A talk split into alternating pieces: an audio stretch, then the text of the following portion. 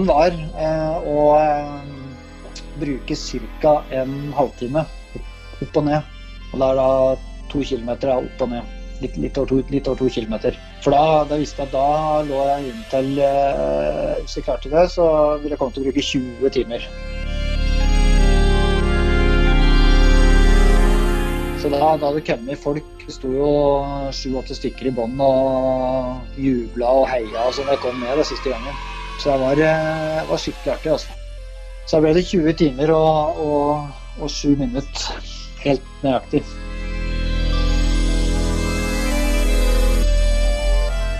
Nei, så um, Jeg tror aldri jeg har fått så mye kudos på, på Strava av folk som jeg aldri kjenner. Og bare mett av folk som har tatt follow ikke sant? på de siste dagene. Så har jeg bare tikka inn sånne follow-meldinger hele tida. Så det er, det er folk er nok, syns nok sånne ting er litt artig, og de eh, blir, ja, jeg håper at det inspirerer litt til at andre òg vil, eh, vil, prøve. Man kan jo begynne med litt mindre topper, selvfølgelig, og bare bygge seg opp og ta, og ta Everest etter hvert.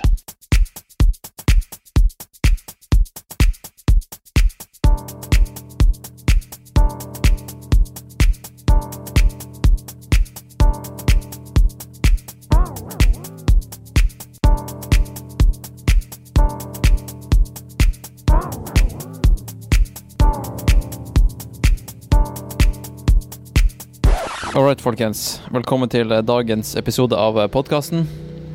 Dere kan garantert høre at jeg ikke er i skauen akkurat nå. Jeg er ikke inne i et telt. Jeg er um, faktisk midt i tjukkeste Oslo sentrum. Jeg er nede i ja, nesten med Brugata. Jeg sitter i niende etasje i en høy blokk og stirrer på bussterminalen. Jeg har nettopp eh, flytta inn i en eh, Airbnb her. Uh, ja, før jeg får lov til å flytte inn i gode, gamle Studio Disen.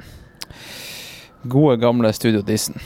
Um, ja, dagens episode, folkens, det er med han Kenneth. Og han, han Kenneth, han har jeg uh, nå vært trener til uh, i ca. ett og et halvt år.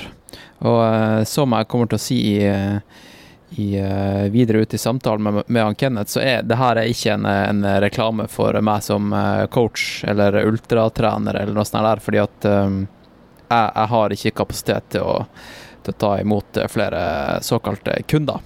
Uh, så det her er rett og slett bare en lystig prat med han Kenneth som nettopp har gjort noe helt ufattelig.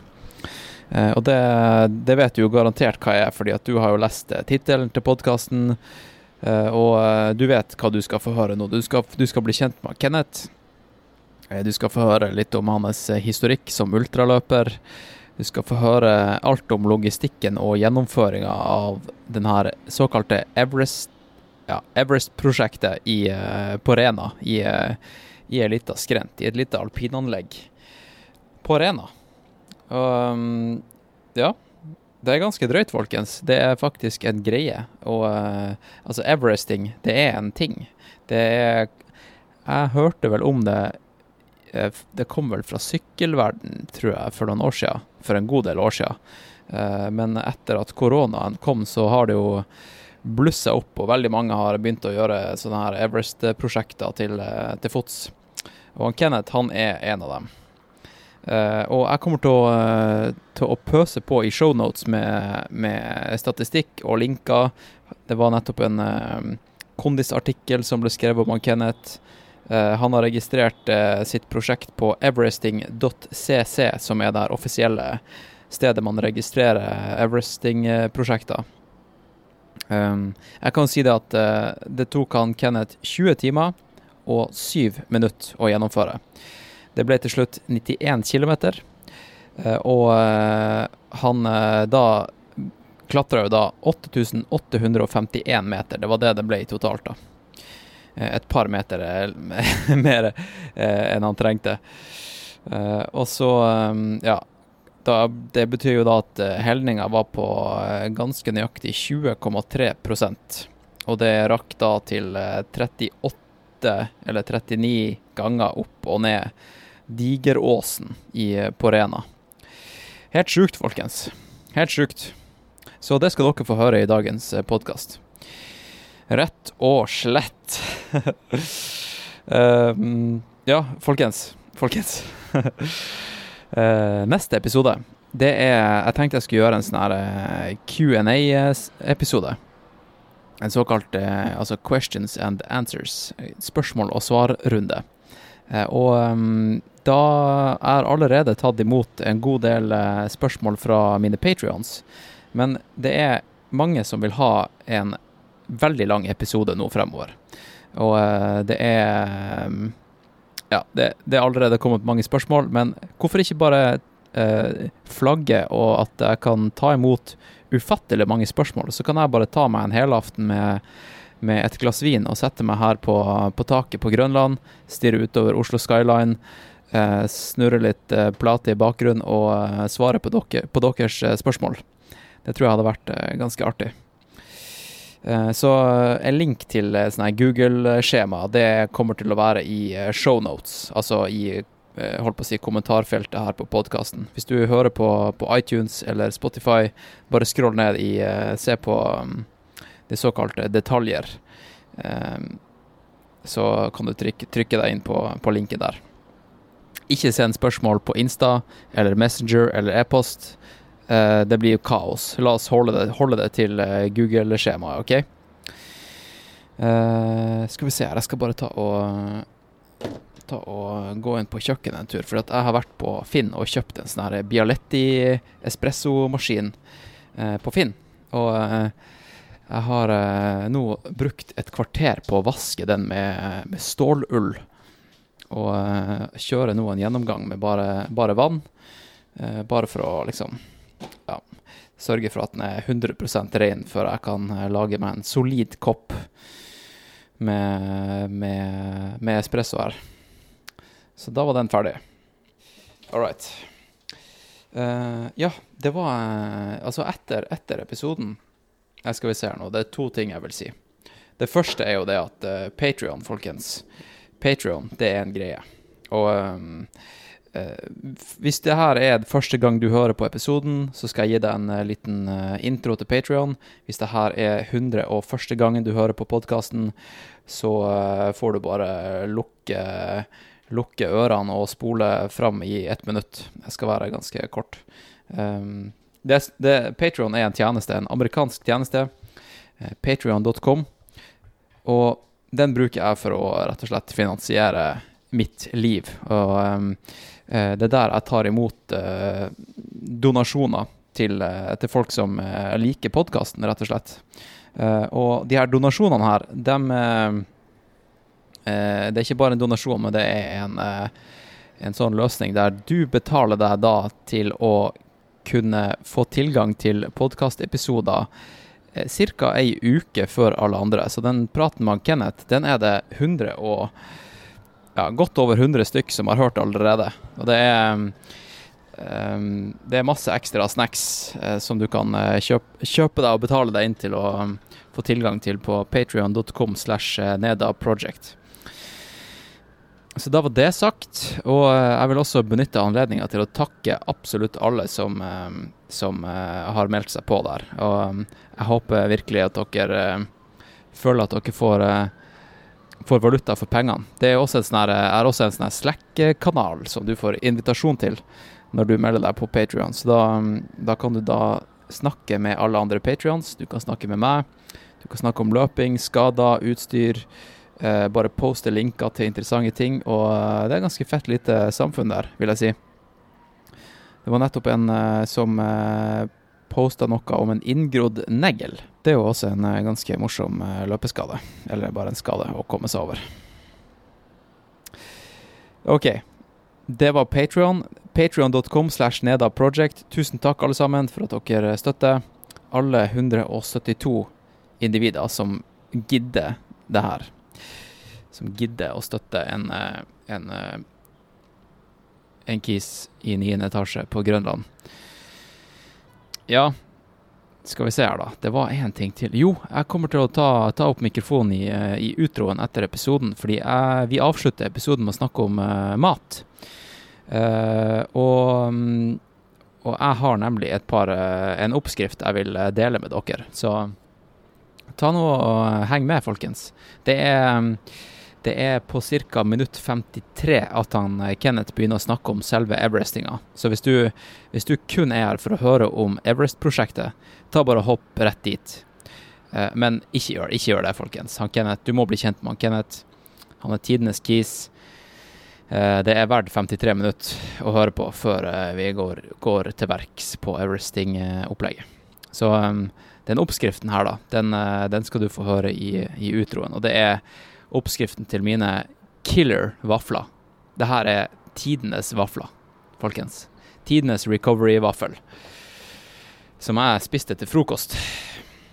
Rett og slett. Og da tror jeg at jeg har sagt eh, det som er å si. Altså, folkens.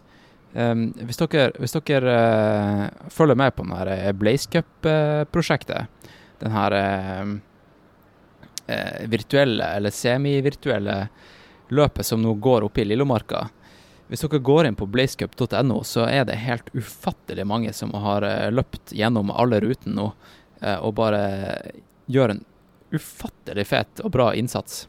Og jeg, jeg, som nå er skada, sitter jo bare her og puncher inn eh, alle innsendelser manuelt og liksom bare ser hva alle gjør på Strava. Uh, som er Noen vil kanskje tro at det er tortur. Jeg blir mer inspirert av hva dere uh, får til. Eh, så um, bare fortsett. Fortsett å løpe. Eh, nyt skauen. Nå er det jo helt ufattelig varmt i, i, eh, i Sør-Norge eller Øst-Norge, så um, det er bare å komme seg ut, folkens. Kom dere ut. Da skal jeg ta og, jeg ta og, um, og lage en, eh, en, kaffe nå med denne Bialettien, og så skal jeg plukke opp mikken i utroen. OK? Så får dere bare kose dere med dagens episode med Kenneth.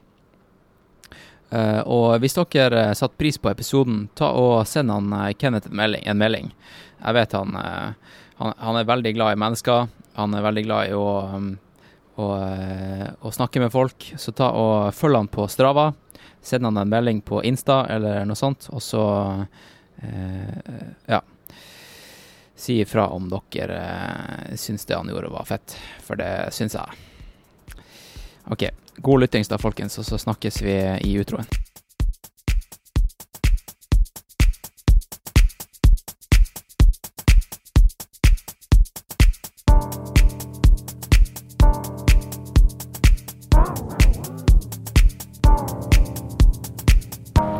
Hello, this is another one. Another one, baby. Welcome to Now Is It Alvor uh, with Hans Christian and friends. We're going to be the best podcast that you ever did here, and we're going to thrill you, we're going to teach you, we're going to entertain you. Like Britney Spears once said, there are those of us who observe and those of us who are here to entertain. And we're here to entertain you, bitch.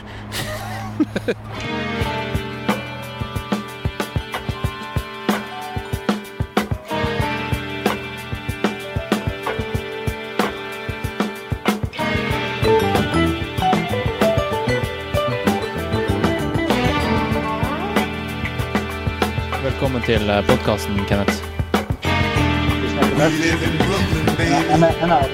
Du har vært i podkasten før, du? Ja, Ja. Jeg, ringte deg det var vel det var tilbake i januar eller februar, tror jeg. Mm. Ja, mye har skjedd siden da. Både i, i begges liv og i verden. Ja. Absolutt, absolutt. Ja, og det er vel egentlig verden, det som har skjedd i verden som har ført til at uh, vi skal prate om det vi skal prate om nå, ikke sant? Ja, det stemmer jo. Ja, for... Det var jo eh, mye som skulle skje den våren her, og, og sommeren for så vidt. Mm. Så, men sånn ble det jo ikke. Dessverre. Ja, men du, du har funnet på noe, noe, noe gøyalt. Åkke sånn. Ja, vi gjorde det egentlig i lag, vi to. da. Vi, Ja, vi ble på en måte litt enige om det. Ja, når alt på en måte ble avlyst, så var det bare å Da måtte vi finne på en annen strøll. Ja, Eh, og det her, det her eh, har jo fått et eh, navn nå, det her fenomenet. Eh, Ja, nei, det har jeg lagt merke til nå. At det, det, det, det, det heter everesting. Everesting, ja. Det har blitt Korrekt. et eh, verb. Ja, ja. Mm. ja, det har jo faktisk blitt det. Så Ja. Føler du at du har vært med på å skape og, og lage verbet? Eller i hvert fall kanskje hente det fra sykkel, eh, sykkelsporten til eh, løpinga? jeg må jo si det.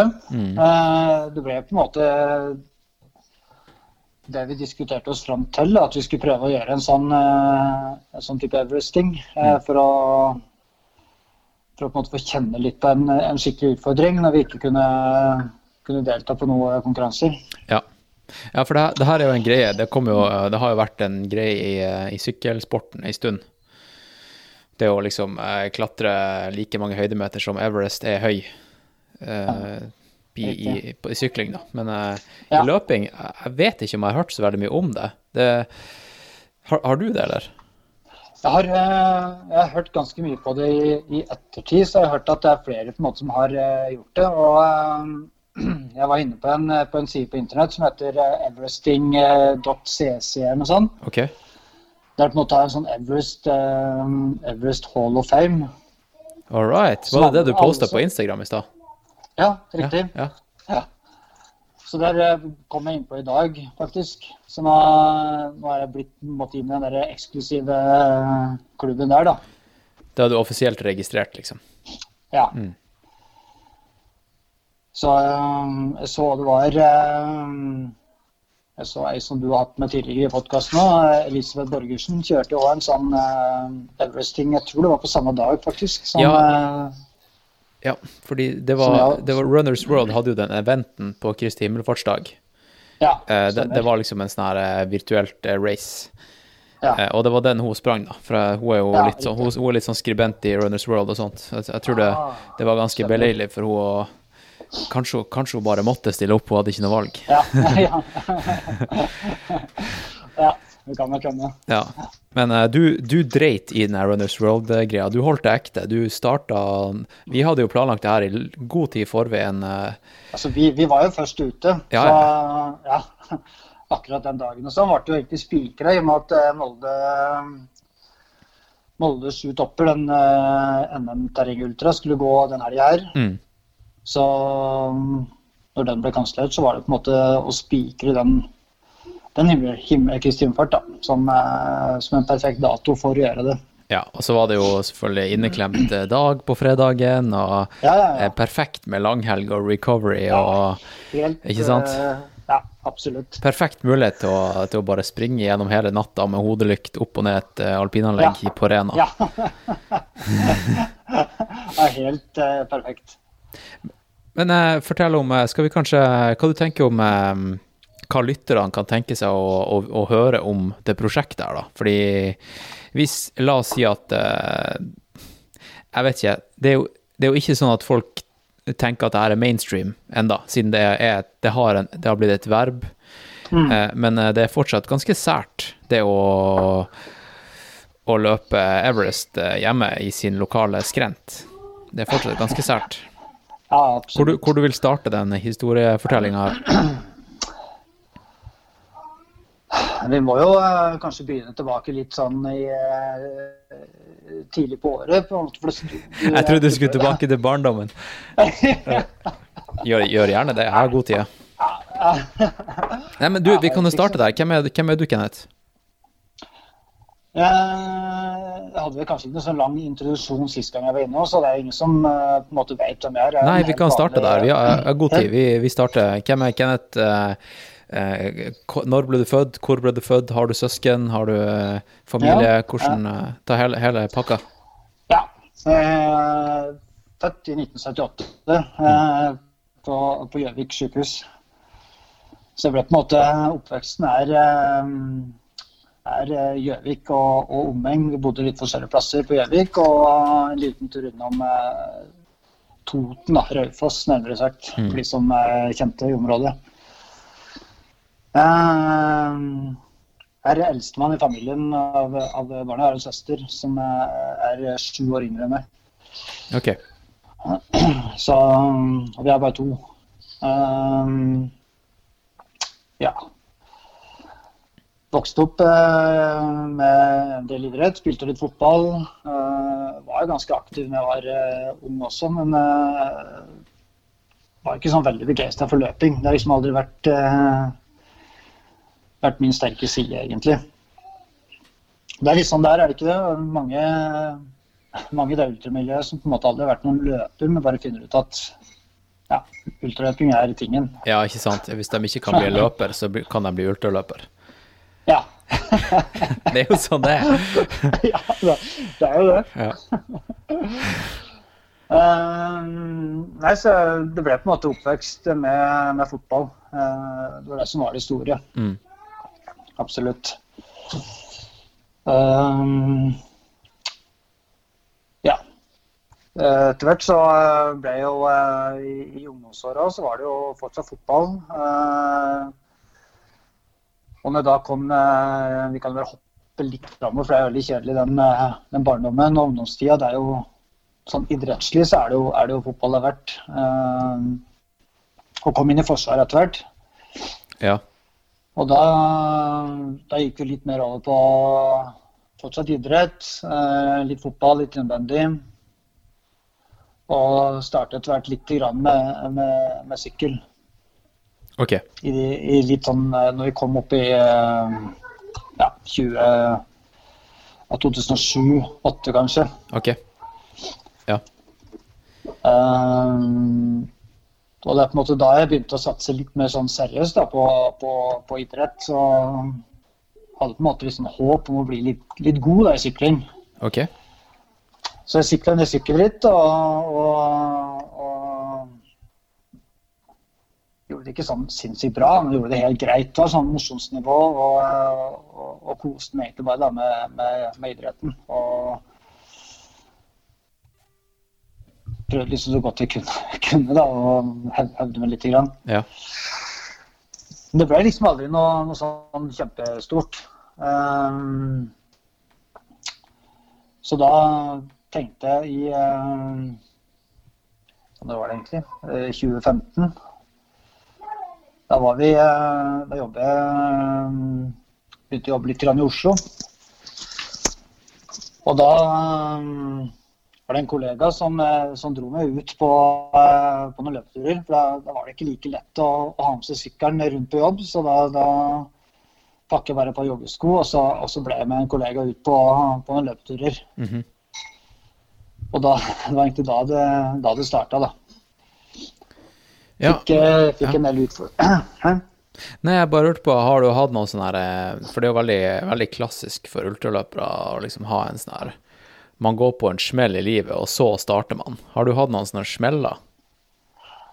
Nei, eh, det har jeg vel egentlig ikke.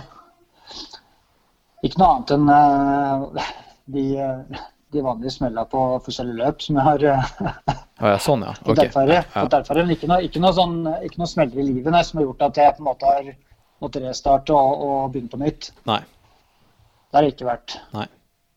Ja, men det er bra, da. Så, det er bra, da. Ja, ja. Det, det, merker jeg også, liksom, i For jeg kan røpe det at jeg er jo treneren din, og um, du, du, du, virker tilsynelatende til, til, å liksom til å ha et ganske sunt forhold til løping, da. Det er mange som, som Mm. springer, virkelig springer fra noe. Mm. Um, for eksempel da en eller annen traume en eller annen gang, og så um, Når man kommer da over den traumen, så slutter man også å løpe. Ja. Og det er det som er farlig, da. Men uh, du, du virker som at du bare liker å, å være i aktivitet. Liker å springe.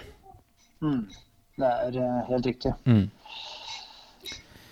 Ja, og hva- Så- når, når, når var din første ultrakonkurranse, eller uh, race, da, på, med apostlenes uh, hester? uh, 2016, tror jeg det var. Ja.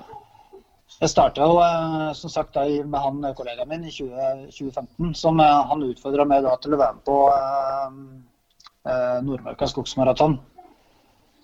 Som da min første konkurranse. Ja, det er racet som går i Nordmarka eh, utenfor Oslo her. Ja, ja, ja, stemmer.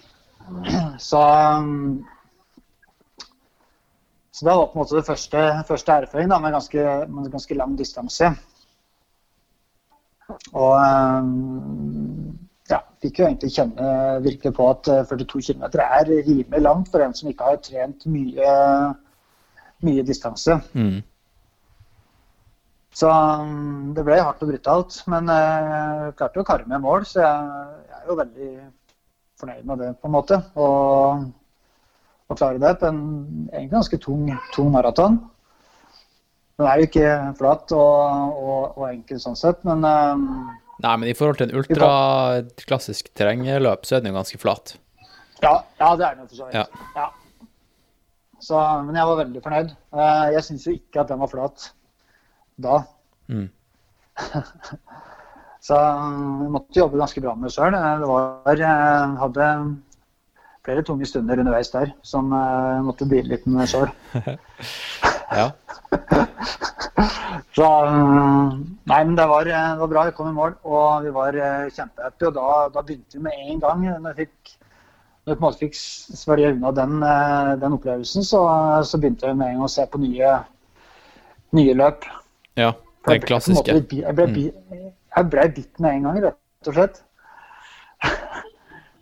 Så Det er fort gjort. ja, Veldig fort gjort.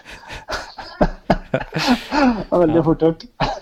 Du, jeg bare spør, jeg må bare spørre deg, har, har du en sånn her eh, eh, Har du det der eh, avhengighetsgenet? Blir du avhengig av ting? Ja, men jeg også er jeg også veldig impulsiv. Mm. Bra kombo. Eh? Bra kombo. Bra kombo. ja. Eh, ja. Jeg har egentlig det, så jeg, jeg blir uh, jeg blir, jeg blir på en måte litt, litt avhengig av. Så jeg kjenner nå som jeg kommer litt lenger òg, at, jeg, at jeg, hvis jeg ikke får en dag med løping, så blir jeg litt sånn uh, blir veldig rastløs. Mm. Og uh, ja. Jeg tror jeg merkes i heimen når jeg ikke får, uh, får min dose. Det er det som er greia da med ultraløpet, at liksom man, man springer så mye, og så kommer løpet, og så etter løpet så er du så ødelagt at du ikke kan springe, og så blir du deprimert liksom etterpå. Ja, ja. Ja, skikkelig antiklimaks. Hvordan, er- Ja, hvordan føles det nå, da? Vi, vi, altså, til, eh, til infolytter, vi, vi kommer til å snakke om Everest-opplegget etter hvert, men eh, hvordan, hvordan føles det nå?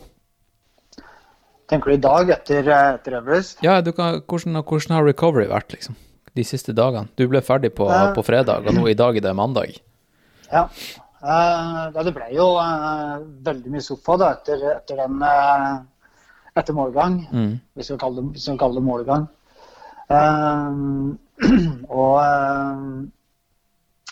ja, jeg stort sett ligget på sofaen. Ikke hatt, ikke hatt smerter. I hvert fall ikke lår og legger, som er, som er vanlig når du, når du pusher mange tusen høydemeter ned. Så er det veldig vanlig å få, få vonde lår. Men eh, beina er altså helt Lår og legger er helt fine. Mm. Mer merker egentlig ingenting. Men jeg sliter litt med, med under fotbladet, så jeg har hatt eh, Jeg har hatt veldig altså, eh, trykksmerter under, eh, under fotbladet. Jeg tror en alene er av at jeg, har løpt med, med gjennombrøyte sko i, i 20 timer. Eh, det var jo bare hjelme. Så, Ja, og snø. så jeg har ikke vært tørr på beina i det hele tatt. Og snø, ja. ja. Mm. Ja, det, det er så, sånn som kan skje når man springer i snø i 20 timer. Ja, ja, absolutt. Det det bare skjer. Ja. Jeg tror ikke du kan skylde på Altra, at, eh, at, du, har, at du har litt vondt under foten. Nei, absolutt ikke. Det er eh, Nei. Skoa har ikke skylda for den. Nei. Nei. Men eh, hvor vi var før, eh, før jeg tok et eh, Du jeg hoppa, skulle hoppe inn på første ultraløp. Ja, ja, ja. Eh, Tilbake til eh, Nordmarka. Tilbake til 2016. Ja, ja. 2015 var i Nordmarka. Eh, Jeg, kan, jeg husker ikke om jeg løp noe flere løp i 2015. Eller, jo, jo, selvfølgelig. Vi løp eh, Nordmarkstraveren. Den eh, 30 km. ja. Så da, da gikk vi litt ned på distanse. Men vi, vi hadde på en måte eh, hatt så bra opplevelse med, med Nordmarka skogsmaraton, så vi bare, vi bare kjørte på. Det var i september. Og det gikk jo stort sett ganske bra da. ja. Og det var egentlig etter den at vi begynte å sette oss ned og se på, på ultra. For det er jo eh, det hørtes spennende ut. Ja. Ja, hvem, hvem var det som eh, var hva, hva som var springbrett til, springbrettet til å få øynene opp for det? For det er jo, Ja, det er- i hvert fall litt tilbake i 2016, er det jo fortsatt litt sånn snevert. Ja. Og der var det jo en som eh, Vi har snakka på det før, så vidt jeg tror at det var eh, Vi så en film på, på YouTube av en Thomas Thomas Stordalen. Thomas Stordalen. Shout-out til Thomas. Så- Så så- sa til Thomas, ja. Eh, han eh, han filma jo den eh, Han hadde med seg kameratid. eller Altså en, en vet ikke hva han slags rolle han hadde i, den, i det løpet, men han, den ville han crewa litt og sånn. Men han tok og filma litt, så da, da så vi den filmen som jeg tror kanskje faktisk den ligger på YouTube, denne også. Ja, hva, hva det var slags løp den var fra? Det var eh, Hofftoppers Ikke sant. eh, 70, 70 eller 75. Mm. Uh, og um, ja, Så vi så på den og, og ble uh, skikkelig gira. Og det løpet så jo veldig fint ut. Ja. Så vi tenkte vi, vi prøver det. Og da um, ja, meldte vi oss på den eh, Hofftoppers 40-45. Det var året etter, i 2016. ja. Men bare for å gjøre, det klart nå, du, du, du, du sier vi. Du snakker om deg sjøl, eller snakker du om Er du noen flere? Nei, vi, vi, nei altså det er han, eh, han som klarte å lure meg inn i denne galskapen. Da. Som, eh, som, eh, som var ivrig på å være med. Altså, han har løpt i mange år, så han eh, han eh, er jo ganske rutinert, var, var veldig rutinert og, i forhold til meg. da. Ja, for det, det er en annen podkast jeg vet om der det er en som snakker om vi veldig ofte, og da mener han egentlig seg sjøl. Jeg, Ah, ja, jeg skal ikke si Å, ja. hvilken podkast, men eh, bare så vi Ok. har det klart. OK? Ja, ok. Fortsett. Ehm, så da um, da ble, ble det hofftoppers eh, på sommeren jeg tror det er august eller noe sånt, 2016. Mm. Ehm, og det gikk jo egentlig ganske greit. Vi klarte å gjennomføre det ganske bra, så vi ehm, Ja, nå er det vi igjen, men eh, Ja, ja, men vi ja, bare så vi har sånn, liksom eh, satt eh, Så ja, folk vet at vi er dere, ikke du. Ja. Ja. Eh, løpt sammen eh, veldig mye, så vi, eh, er, eh, og det gjorde vi òg på det løpet. Og, og pussa hverandre gjennom, for det var jo første ultraen på oss begge to. Så mm, ja. Ja. Så da Det var vel egentlig det eneste ultra jeg hadde i 2016, ja. jeg Og så kan vi da eh, bare si at eh, Jeg tror ikke du nevnte det, men du har, ung, du har barn også. Ja, ja, ja. Det, jeg, jeg, faktisk- det kan vi høre. jeg er gift og har, eh, har tre barn. Ja. Så jeg er jo litt opptatt med det òg, selvfølgelig. Eh, og, og får liksom presse inn løpinga da inniblant alt annet som skjer med barn og, og jobb og, og sånne ting. Mm. Så jeg, jeg har jo faktisk en jobb også å gå til. Ja, det, det må vi egentlig snakke litt om også, hvordan du klarer å skvise inn eh, alle treninger inn i hverdagen. For det er jo Mange kan relatere til den, altså. Ja. Eller ikke relatere, men vil Ja. relatere. Ja. Jeg har jo Jeg er veldig heldig. Jobber i, eh, jobber i Forsvaret. Og, eh, og, eh, og i Forsvaret så har vi en ganske god deal med at vi kan, kan trene to dager i uka i arbeidstida. Fordelt på altså en og en halv time da, per dag. Så jeg vil si totalt tre timer. Og den benytter jeg til det fulle. Eh, Så jeg får jo lagt inn mye god trening i, i arbeidstid. Mm. Samt, samtidig som jeg trener eh, både før og, før etter jobb. Så um, ja. Jeg er veldig heldig der at jeg har den muligheten. Ja, jeg mener, eh, det kan være greit å si det at du, du trener ikke horribelt mye til å være ultraløper heller. Nei, det Sånn, du, er ikke, du er ikke den som logger mest, du, heter ikke, du er ikke Simen Holvik, liksom. Nei, nei, absolutt ikke Simen. Du er ikke sånn, eh, du, er ikke, du er ikke en galmann. Nei. Eh, Ikke det jeg som, jeg, jeg prøver jo å ikke kaste på deg for mye, for jeg vet jo at du, du gjennomfører jo mm, det meste. Ja. Ikke sant? Så hadde jeg rampa opp eh, 20% treninga di, så tror jeg du hadde gjort det, men jeg tror ikke det hadde vært bra for, eh, for livet ditt. Nei, en skal jo skal jo leve litt utenom òg, så Ja. Å ha energi til å drive med det der. Så jeg tenker at sånn, sånn det har vært nå, så vi, vi gruser på ganske bra nå i, i eh, vårparten i år. Så har vi jo trøkk på ganske bra. Så det har blitt, blitt mye mengde nå i, i eh, både februar, og mars og april for så vidt. Ja. Så jeg syns jeg har dratt ut ganske bra nå. Ja. Men eh, jeg tenker eh, å ligge der er nok, eh, er nok greit. ja, for du har hatt eh, Vi har jobba sammen i to, to år, nesten. Jeg vet ikke Ja, hvor lenge det var eh, før bursdag til fjor, eh, januar i fjor, var det vel. Ja, altså ett og et halvt, da. Ja, snart, snart ett og et halvt år. Ja. ja. Ja. Uh, du har jo tatt store steg uh, på Jeg føler det. Jeg føler Ja, det sjøl òg. gigantiske steg, ja. ja, at det har gått veldig bra. Mm. Så jeg er veldig happy med den, med den tilværelsen som er, som er nå. Og så har du jo stort sett klart å holde deg skadefri. Det har vært noen småvondter innimellom, men uh... Ja, ja, litt, litt småvondter er det der, men det, det må du bare regne med. ja. Jeg har jo vært, eh, vært veldig ivrig da, på på en måte på en måte få, få trent så mye som jeg har hatt muligheten til. Og da, da kan det ha blitt litt mye iblant. Både med jobb og, jobb og trening da, som har gjort at eh, det kanskje har blitt litt mye. Mm. Uten at jeg egentlig vil innrømme det. Mm. Så um, Men eh, jeg tenker den mengden vi har nå, den, eh, den tror jeg bare kan fortsette med, egentlig. ja. Kanskje ta det litt rolig denne uka her, da. Ja, litt, litt rolig. Det gikk ikke veldig fort på den løpeturen jeg var ute i stad. Jeg tok en, jeg tok en liten, eh, liten tur i stad bare for å, for å kjenne på det, og, og det var jo sinnssykt god følelse. Mm. Ingen vondter, og, og beina gikk egentlig veldig lett. Så eh, ja. Du jogga på flatt underlag, eller? Eller oppsøkte du Dro du tilbake til alpinbakken? Jeg var, jeg var, jeg var, jeg var ikke i eh, Digeråsen, altså den alpinbakken. Jeg var ikke der. Så det ble ganske flatt, ja. Ja, det er bra. Men jeg, jeg tenker det at um, har, du- du hadde jo veldig sånn her um, Man kan, kan, kan, kan kanskje kalle det skånsomt underlag, da. At, Ja, det at det det. ikke gikk så mye utover eh, liksom, løpesteget. Du, du grinda jo egentlig bare i 20 timer. Ja. Ja. Riktig.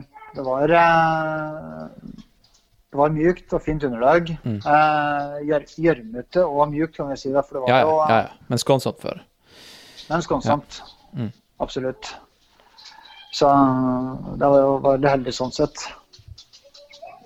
Og når vi løp ned igjen nå, så var det jo eh, Snøen dempet såpass mye, i hvert fall i starten. Etter hvert så ble det så opptråkka, så vi var jo helt nede på, på, på bar bakke. Vi hadde tråkka opp den stien noen ganger. Ja. For nå, nå jeg sier si vi igjen, da, for vi hadde jo litt selskap eh, underveis. Ja. Men det kan vi komme tilbake til. ja, det kommer vi tilbake Um, ja. Så um, Ja, vi var vel uh, Vi var i jeg tror vi var 2017. i- hva sk- 2017. 2017. 2017. Vi trenger ikke snakke om alle ultraløp, men eh, vi kan jo ta, ta på en måte de, eh, dem- det som har um, satt preg på, på din eh, karriere og, og sånt, da. Ja. Uh, ja, 2017 var vel og første året det blei uh, Nei, andre året det var Bislett. Jeg tror det ble Bislett i 2016, skjønner du. Ja, OK. Og så kjørte jeg den i 2017. Uh, og uh, Bislett 50. Bislett 50, ja, Ja, ikke 24 timers. Ja. Ikke ikke 24 timers, Nei. der har jeg ikke vært ennå. Uh, og så uh, var det vel Birken som var det neste da i 2017. Jeg pleide å kjøre òg Ultra Birken Mm. som en sånn uh, Nesten et sånn hovedmål hvert år. Uh, I hvert fall fram til begynte å bruke deg. Så, så har det vært så,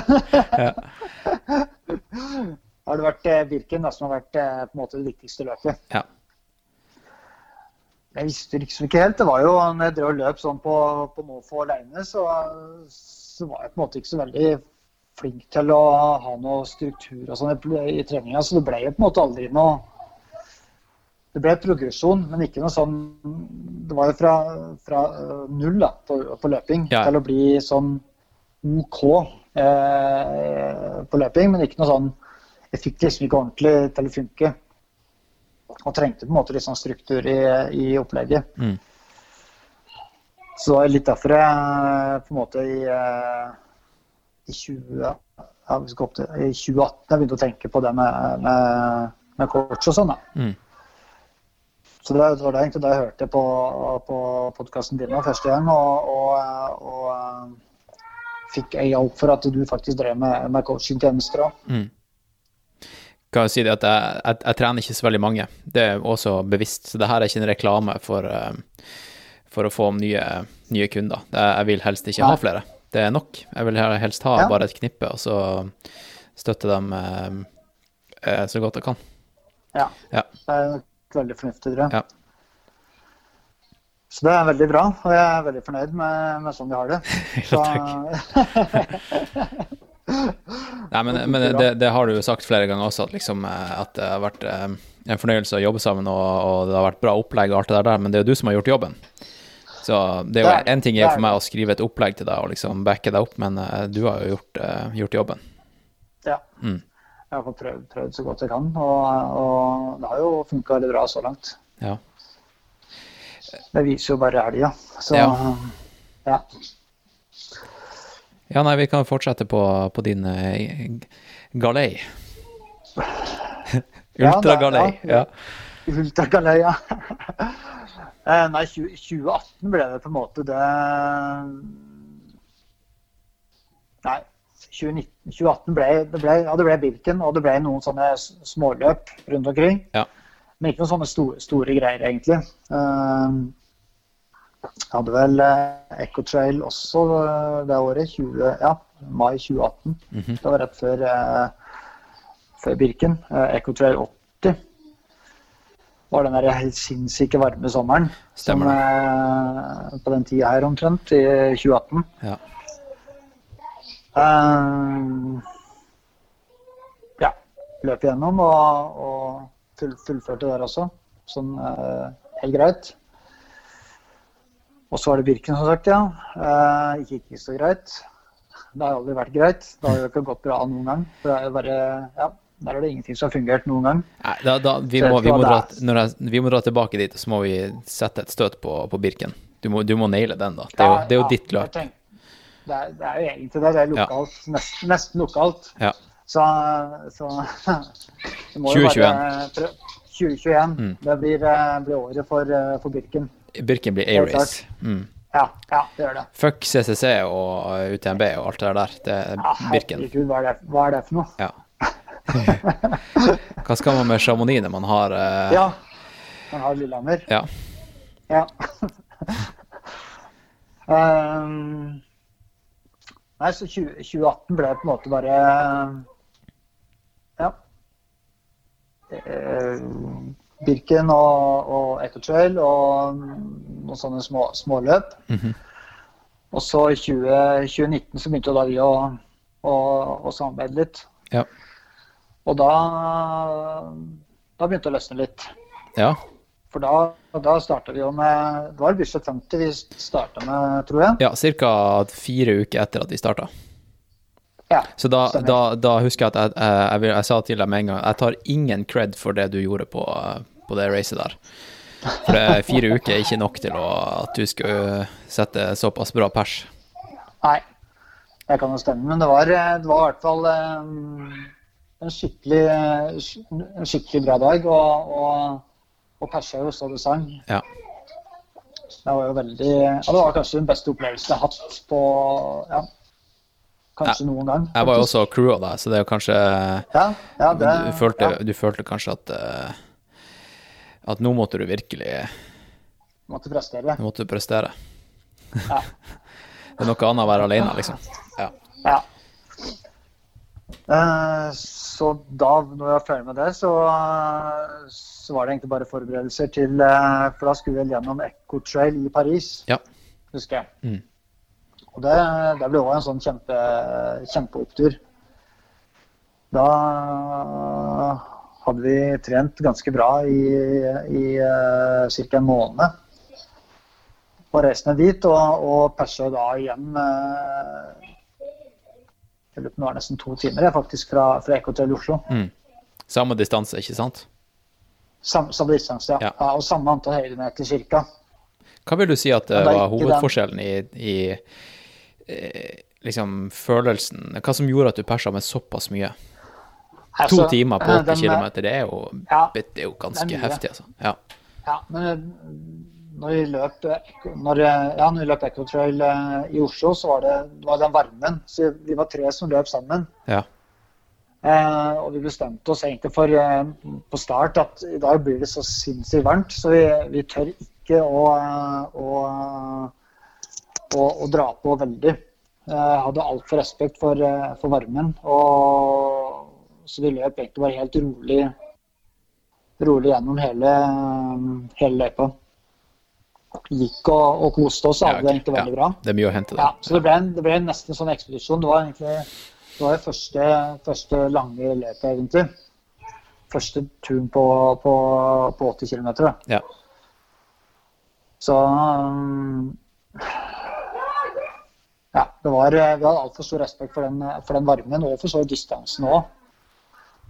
Å gå på en sånn kjempesmell på, på 80 km, eller altså etter, etter 50 km, så er det langt igjen å, å, å, å fullføre med å være helt, helt eh, kaputt. ja. Helt enig. Så det er jo en av grunnene, til at det ble så stor forskjell, ikke. Ja. Og i, i Paris da, så var det jo Det, det løpet var i mars. Og da var det en helt annen temperatur. Det var vel en 13-14 ja, 13-14 grader. Så, så da var det en helt annen, annen temperatur. Så det var bare egentlig bare å kjøre jevnt på fra, fra start. Mm. Og holde, holde det gående hele veien. Og det, det gikk egentlig veldig bra. Jeg hadde ikke noen sånne kjempedown-perioder der. Og kunne, kunne på en måte løpe løpe hele løpet da, uten å ha for mye pauser og, og, og for mye gåing og sånn. Så det var en, det var en, helt, annen, en helt annen opplevelse. Det var det. Mm. Og så, ja Så eh, neste race, da. Etter det. Det var Ecotrail Paris, eh, og så var det Var det, Ecotrail, var Paris, det, var det så det var ikke- So- Soria Moria. Soria Moria? Stemmer det? Ja. SMVE. SMVE, Ja. Som eh, da blir arrangert i år også, faktisk. Ja. Uansett, ser det ut som. Jepp. 20. juni. Og det er jo 20. juni. Ja. Kjempebra. Ja. Det er jo fantastisk fint. Eh, det var jo da òg en eh, distansepers som skulle gjennomføres da. Ja, 100 miles. den det var 100 miles. Mm. Um, og det gikk jo egentlig over all forventning. Vi Ja, det vil jeg også si, en sånn derre- Vi hadde egentlig satt oss et sånn hårete mål om, om under 24 timer. Mener jeg vi å snakka om. Ja. Og eh, det klarte vi med bravur. Vi gikk jo ja, knuste 24 timer, så det sang. Du fikk eh, beltespenna, holdt jeg på å si. Ja, jeg fikk, hva eh, fikk, en, fikk et eh, hals... Et kjede. Ja. Jeg skulle til å si ikke Hva- kjede, men en, en medalje. Hva ble tida di, husker du det? Uh, 22.15 eller noe sånt. 22.13. Ja. Det er rått, ass. Det er ikke mange som kan si at de har løpt eh, 100 miles under 24 timer. Nei, det er kanskje ikke Det Det er ikke mange som kan si at de har løpt 100 miles. Nei, det er det. altså, det var, eh, det var kanskje eh, Ja, det var eh, det største jeg har, eh, har gjort noen gang, tror jeg. Mm. Det er det vel egentlig ingen eh, tvil om. Selv om den der Bislett-greia eh, var eh, høydere, det. Og så er det løpet 100 miles er jo sinnssykt stort i seg sjøl, uansett hvor lang tid man bruker. Ja. Men det på en måte gikk så bra som det gjorde, så, så eh, er nok det det største jeg har opplevd. Mm. Innenfor eh, løping, i hvert fall. Ja. ja, så det var vårparten, og så eh, Så eh, utover eh, Så kom sommeren, da. Da kom sommeren, og Mm. da var det på Birken da igjen. Ja. Da Ja. var vel egentlig veldig tvil om vi skulle gjennomføre det. Hvis vi ser sånn i ettertid, så var jeg egentlig klar for det, tenker jeg. Nei, og jeg anbefalte jo egentlig deg å ikke gjøre det, Ja, ikke du, sant? Ja, du gjorde det. Ja. Du gjorde det. Men du hadde Så lyst? jeg hadde lyst, og uh, fikk jo erfare det skikkelig at det ikke var uh, noe lurt valg, egentlig. Mm. Da gikk jeg på en kjempesmell og hadde det ikke, ikke bra med meg sjøl i det hele tatt. Så da var jeg veldig nær i DNF. Ja. Veldig, veldig nær DNF. Flytter du på det, eller hva, hva eh, du styrer med? Hæ? Du går et annet sted som er litt roligere? Jeg må bare ha litt Jeg må bare fukte, fukte strupen litt. Grann. Så litt grann tøst. Hadde en liten si- i så- som sagt, så Ja. ja. kan si til lytteren nå at eh, vi, jeg, jeg prater med Kenneth på, på, vi, på type FaceTime. Jeg kan se han Kenneth. Ja. ja. Skjønner. Vi ser hverandre. Ja. Det er ikke på telefon. Ja. Så nå tar han Kenneth seg en liten slurk. Liten skjerk. Veldig godt å få i seg litt, uh, litt fuktighet. Birken, uh, dårlig opplevelse igjen. Uh, og så hva var det vi egentlig gjorde etter den? Jo, da var det Jo. Ultravasa var neste. Ultravasa, vet du. Det var jo neste. Ja, Det er Jim Worms. nå mister jeg det der. Hallo? Hallo? Der, ja. Jeg, jeg vet ikke hva som skjedde. Jeg bare ser at nå havner jeg plutselig over på 4G her, så Ja, da er det noe med wifien din. da. Ja. okay. Nå tror jeg jeg er eh, back in uh, Skal vi se. Jeg kan ikke se deg, da. Så det kan uh, Hæ? Jeg kan ikke se deg. Å nei. OK, da skal jeg prøve å komme tilbake. Jeg skal ta og pisse, og så ringer jeg tilbake. OK? Ja, OK. Ja, Ja, greit. ha det.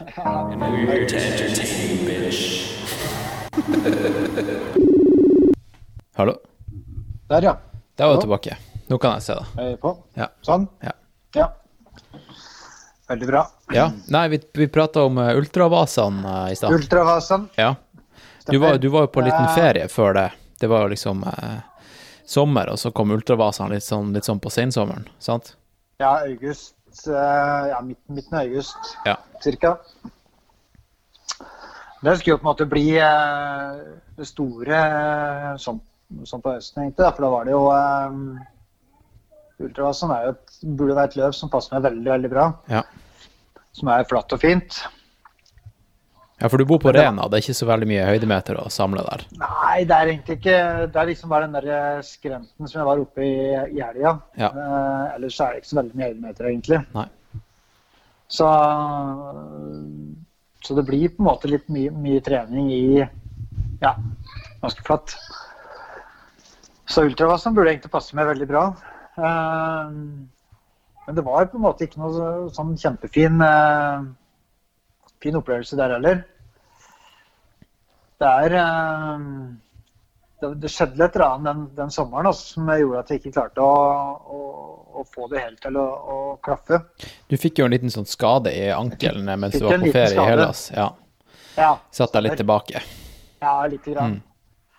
Jeg tror ikke det er eh, jeg tror ikke det er den store grunnen til at det ble For det ble ikke så langt opphold. og Nei. Nei. Det er klart det ble litt reservert i treninga. Sånn, vi skulle løpe litt sånn stiløping og sånne ting, så, så var det litt sånn reservert. I og med at den ankelen var litt sånn eh, lei, da. Men, ja. men ikke, ultrasen er jo ikke et teknisk løp, så, så det var egentlig bare å banke på. Men eh, det var muskulaturen og sånn som ikke var eh, som var klar for det. Mm. Så Nei, det fungerte ikke så veldig bra der heller. Det ble eh, langt ifra det som liksom var håpet og, og drømmen. Ja, men du fullførte, da. Jeg fullførte. Du fullførte, ja. Jeg gjorde det. Ja. Jeg gjorde det. Ja. Så det var jo det var greit sånn sett. Ja. Fikk i hvert fall prøvd, prøvd det, da. ja. Eh, og, så, og så videre da, på høsten, da, hva, hva du fant på før, før sesongen var, var ferdig? Før du begynte vinterdunkinga. Eh, Vinterdvalen, ja. Eh, nei, det var et lite løp på Hamar. Ja. Eh, sånn Fu- Furuberget Endurance. ja. Det er ikke så ulikt det du gjorde nå, i helga. Nei, egentlig ikke. Det er ganske likt. Mm. Eh, jeg gjorde jo for så vidt eh, noe sånn lignende i, i, i fjor òg. I, som, som trenings, trening da, mot Sora Soria Moria. Mm. Stemmer det? Eh, Stemmer jeg hadde en liten sånn, uh, sånn alpinbakke-natt da òg. Ja. Kan du fortelle litt om det, eller? For det er også en uh... Ja, det er jo litt, uh, Ja. litt spennende, spennende faktisk. Men ja. jeg syns sånne prosjekter er ganske artig. Å finne på litt sånne, litt sånn uvanlige ting, da. Og, og eh, så det bestemte meg for da, var at jeg skulle, eh, i og med at jeg skulle løpe i Soria Moria, så, så ville jeg på en måte trene på nattestid for å på en måte trigge den der følelsen av å løpe på natta. Ja. Så da bestemte vi oss egentlig for å i påsken i fjor å løpe opp og ned som slagbakke i tolv timer. Så da ble det jo Da løp den veien som går fra, fra på en måte rv. 3, da, så opp på toppen av hyttefeltet på, oppi den der digeråsen som heter alpinanlegget her på Rena. Ja. Så jeg løp opp og ned. Da var det bare vei hele veien bare vei hele veien. Så øh, ja. øh, Og øh, så jeg klarte å banke klarte å banke 90 km i løpet av de 11 timene som jeg drev på.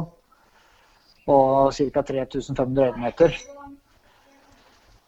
Så det var jo veldig god, god følelse. Og, og, kjente liksom at det hadde jeg mye igjen for da når jeg skulle, skulle løpe Soria Moria. Mm. Både med det at jeg klarte å, klarte å løpe gjennom hele natta uten å på en måte bli trøtt. Og da kjente jeg òg når jeg da løp Soria Moria at jeg hadde når jeg kom til natta, så var, var jeg fortsatt eh, opplagt og, og, og, fin og klarte å løpe, løpe hele natta uten å måte bli skikkelig trøtt. Da. Ja, og det kan jo være kanskje, kanskje det viktigste med det prosjektet der, var jo selvtillitsdelen av det. Ja. Fordi ja. det fys altså, fysiske den stimulien du fikk av å løpe tolv timer, ja, selvfølgelig eh, Det hadde nok noe for seg, men det viktigste tror jeg var liksom at du gikk inn i Soria Moria og kunne gå inn i natta med å vite at du hadde gjort det før, ikke sant? Ja, ja. helt klart. Mm. Mm. Altså, det var, eh, det var veldig um, En veldig god, uh, god følelse. Jeg ble jo helt helt ødelagt dagen etterpå, men, men, jeg hadde på en måte fått gjennomført da, og fått trent bra hele natta. Hvordan føler du deg nå i forhold til da? Jeg, som sagt, som jeg sa litt innledningsvis, så, så er beina, lår og legger sånn. Jeg kjenner ingenting. Absolutt ingenting. Jeg eh, har egentlig ikke gjort det i det hele tatt. og jeg har som sagt bare slitt lite grann. Eller ikke, ikke sliter, men jeg har hatt litt sånn trykksmerter under beina. Det er det eneste. Mm. Ved, ved, tåballen, eller også ved siden av tåballen. da. Så, så beina er jo helt eh, ja, helt fine. Da, da har du jo da Tydeligvis da, da tåler du eh, sånn type pounding da, bedre enn i fjor? Ja, ja, ja det tror jeg nok. Ja. Det, det er kult, nok, ja. kult, å vite. Ja. ja. Mm. Så det viser seg at det har hjulpet veldig bra, det vi har drevet med nå i år. Ja. Men det der Furuberget, hva, hva, var greia der? For det, det, gikk jo ikke helt som planlagt? Altså med nei, arrangementet? Det nei, det gjorde egentlig ikke det. Det var, eh, det var et sånn 30-timersløp eh, der du skulle løpe en rundløype på ca. 7,5-8 km. Ja. Med 450 øyemeter eller eh, per runde. Og målet var da 100 miles da, på, de, på de 30 timene. Mm. Eller 100 miles eller 30 timer. Og vi startet, vi var sju, sju på start, tror jeg det var. Ja. Ordentlig klassisk norsk eh, grasrotultra. Ja, og mm. skikkelig grisevær. Det var jo i oktober, ikke sant. Så det var ja. skikkelig eh, Det var to grader, tror jeg, og sludd når vi starta. Mm. Og eh, skikkelig sånn der Det regner jo konstant hele tida. Og, og Furuberget det, er, det ligger jo på Hamar, eh, og der er det sinnssykt bratte nedfarter. Og så gikk på en måte måtte løpe på, på sti da, ned bakker som var eh, sinnssykt bratte. Rundt busker og over busker som var dødd ned, og, og, mose og alt mulig sånt, som ble skikkelig skikkelig sleip. Så, um, så vi var sju som starta. Vi var vel eh, ja, to eller tre som var igjen når, uh, når vi hadde løpt uh, fire mil eller noe sånt. Ja. Så, så til slutt så var jeg alene etter, ja, etter Jeg tror jeg ga meg etter 55 km. Da hadde alle andre, andre gitt seg, så da, da var det på en måte og da tenkte jeg at nå, nå, går vi inn i natta, og det er, eh, det er så sinnssykt glatt. Og jeg er litt sånn pinglete av å, å, å løpe litt sånn hardt utover da, på, på sti. Så jeg er veldig reservert der. Så jeg, jeg valgte å gi meg der til eh, jeg tror det var 55 km eller noe sånt, og 3000 og noen høydemeter. Okay. Så det gikk jo ikke jeg som planlagt, men uh, jeg var jo på en måte sistemann igjen, da, så det var jo på en måte ikke noe poeng å løpe rundt der og risikere noe mer ja, skader eller et eller annet sånt. Nei, det var jo ikke et last man standing-løp, men du var, Nei, jo, ikke- du var jo ikke, da men- last man standing. Men jeg var last man standing. Ja. så da, da var det slutt. ja. Og det var slutten på eh, 2019-eventyret. Ja. Og så begynte du med vin vinterdunkinga. Ja, Um, det var ikke helt Det har ikke vært helt uproblematisk, egentlig. nei. Ehm, ja, vi begynte å trene hardt mot, uh, mot Bislett. Vi skulle jo um, Som er i februar. jo- Som er i februar, ja. Mm. Bislett 50. Mm. Så vi begynte jo den i desember eller noe sånt, tror jeg. Ja. Hvis ikke husker helt feil. ja, ganske målretta spesifikt mot Bislett. Begynte vi i desember. Ja. Ja. Selvfølgelig, du holdt jo gående før det, men uh, det var liksom Bislett-spesifikk trening da vi begynte med i, i desember. ja. Veldig mye hard, eh, hard eh, flat løping. Ja. Eh, intervaller og langturer og harde langturer. Og det var Ja. Kjørte mye Bislett-trening. Jeg var der ganske ofte. Jeg tror ikke jeg har vært der så mye på to måneder som jeg var eh, i, eh, i januar-februar. Eller på januar. Mm. Des, kanskje ja, desember-januar. Og kjørte mye, mye lange, harde økter eh, der. Og skulle på en måte bli skikkelig mm, herda da, før Bislett. Ja. Du skulle bli Bislett. Skulle bli, ja. Ja. skulle bli Bislett. Du skulle bli, et, ja, du, du skulle bli eh, tartandekk, eller det er vel ikke tartan, det er vel eh, Ja, det er betong med litt, litt gummi på. betong med maling. Ja, betong med maling. Ja, det er blitt det. Ja. Så øhm, Ja, nei, det ble, ble mye, og det, jeg tror det ble for mye. ja. Tøyde strikket litt for langt. Ja, tøyde stikken litt langt, så jeg øhm, Når jeg skulle løpe Bislett, vi kan jo hoppe dit. Når jeg skulle løpe Bislett 50, så, så holdt det lei 22-23 km og sånn. Mm. Og da var det hamstring eh, Ja, slitt, slitt hamstring. Et eller annet som skjedde, i hvert fall nede, nede bak, eh, bak kneet. Ja. Som gjorde at det da brøyt etter 23 km. Jeg tror det var 23-24 km. Og da sa vi vel, vel enige om at det, det var fornuftig å, å gi seg der og ikke ødelegge resten. For vi hadde jo en veldig spennende sesong foran oss. Ja, vi, ikke vi, kunne ikke, vi ville ikke risikere for mye der. Bislett jo, var jo på en måte bare et Det er jo morsomt, eks, morsomt eksperiment på vinteren for å liksom det. få opp løpesteget og bli litt sånn, Ja. få et annet fokus i løpinga.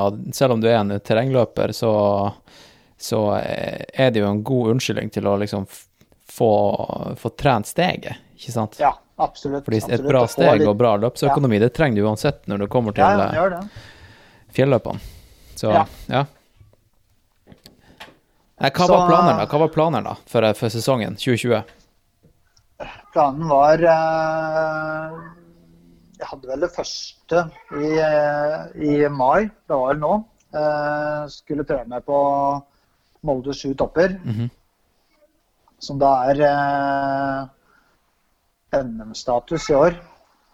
NM i terrengultra. Ja. Eh, og meldte meg på der og så skikkelig fram til det. Vi trente jo veldig spesifikt mot altså er høydemeter og, og, og sti og, og, og sånne ting, for å på en måte da være klar da, til, til det. Og det, det var egentlig ikke bare Molde. Vi hadde jo vi hadde satt opp på eh, Molde i mai. Og så var det Hornindal, eh, Hornindal rundt, som jeg da fikk melding i dag at ble kan- eller avlyst. Ja.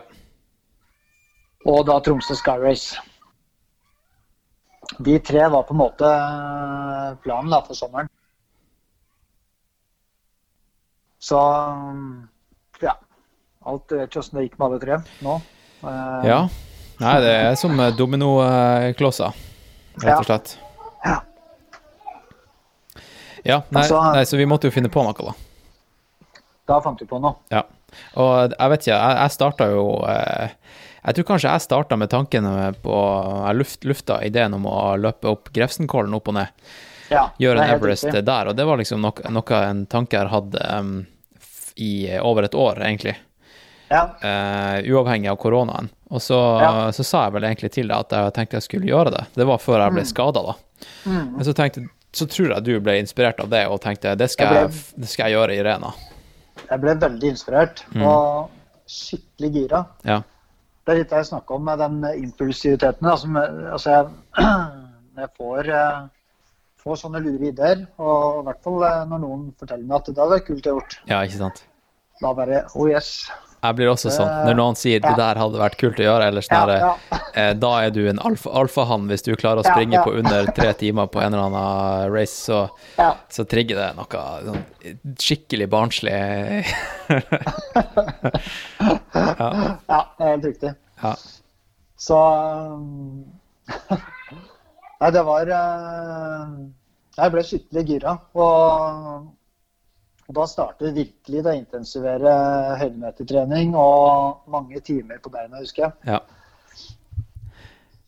Da var det um, Ja, uka besto av høydemeter, høydemeter, høydemeter. Og, og langturer eh, med fokus på høydemeter. Det var eh, Ja, det var det det gikk, egentlig. ja, ja. Egentlig fra, fra ja, mars, midten av mars. ja. Når korona begynte. Ja, det var da, det, var da korona slo til for fullt. Ja. ja. Nei, du har, ja, du har jo virkelig gjort jobben. Du har ikke hatt noen setbacks, eller du har ikke vært syk, du har ikke vært skada. Du har egentlig bare kjørt på, og eh, alt gikk egentlig som planlagt, ikke sant? Ja, alt bare gikk, eh, gikk helt knirkefritt. Du gjennomførte med stil. Det er ingen eh, du, du hadde ingen Ja, vi kan jo, vi kan jo komme, inn, komme inn på selve logistikken og gjennomføringa, da. Ja. Hva, eh, hvordan var eksempel, Vi kan starte med For du gjorde det her på en torsdag. Hvordan var, hvordan var uka ledende opp til eh, eventen?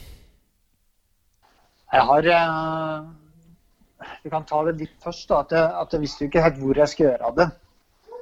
Det, det, var, det er litt forskjellige plasser på en måte kunne ha utført den der eh, Everest-tinga Men eh, så kom jeg bort til den der heis, heistraseen i det alpinanlegget. Mm. For jeg så for meg at der er det Der går jo heistraseen går rett opp. eh, og eh, da vil det ikke bli for langt å løpe for å få de høydemeterne. Det blir ikke, det blir ikke så mange kilometer av det Nei. for å få de høydemeterne som vi trenger. Så det var på en måte det jeg var litt opptatt av, at jeg skulle ha en kortest mulig reise da, for å nå høydemeterne. Så det kunne godt ha dratt dere der òg, men det, er- er det det vi har da, å, å, benytte oss av. Forresten, forresten, eh, nå får jeg besøke Eller det kommer nå han er Tyler som jeg bor hos, han han ah, kommer hjem nå fra en eh, sykkeltur, men eh, det, vi bare fortsetter. Det er jo ikke, er ikke noe stress. Ja. Men eh, det er bare litt sånn heads up til eh, lytterne at det blir litt sånn bakgrunnsopplegg. Ja. Men det, det er folk vant til nå allerede, for det, det er litt kids i bakgrunnen hos, hos deg. Du, du hører dem, ja? Ja, ja, ja. Ja, ok. Ja. Ok, Ja. ja. Jeg var jo oppe den der eh, og rekognoserte den løypa flere ganger i løpet av mai nå. For jeg, jeg har vært veldig spent på hvordan forholdene skulle være. mm, Og nå eh, jeg vil- ville på, jeg vil jo på en måte ha det enklest uh, Ville ha det på en måte enklest mulig, da. Eh, best mulig forhold, selvfølgelig, for å, for å, få, for å få gjennomført det. ja. Ehm, så jeg var veldig spent eh, når jeg, når jeg hadde den der rekken, eh, eller rekognoseringa helga før. Nå gikk jeg og satt meg på do, for så vidt, så for, å komme, for å holde litt sti- stille. Det er bra du sa det, for jeg, jeg skjønte det. Jeg så det flisen i bakgrunnen. Jeg bare, jeg bare satt meg på dolokket Ja.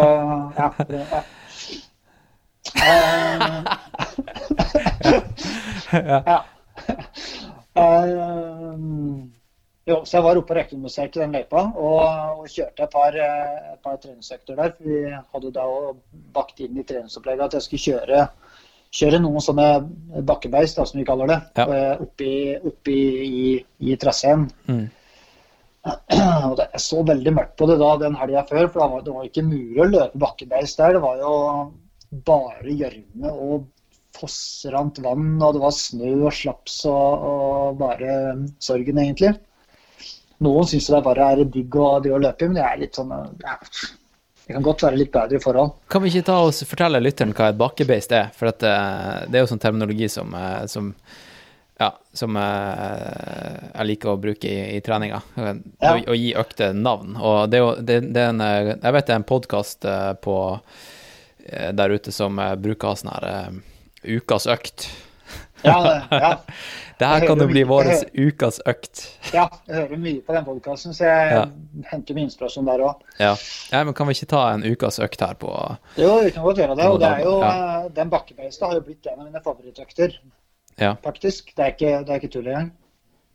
Og uh, det vi går i da, er at vi kjører um, ja, Du kan jo bygge den opp litt forskjellig, selvfølgelig, men uh, det vi har kjørt, er jo en uh, som vi har kjørt oftest, er 10-8-6-4-2 minutter.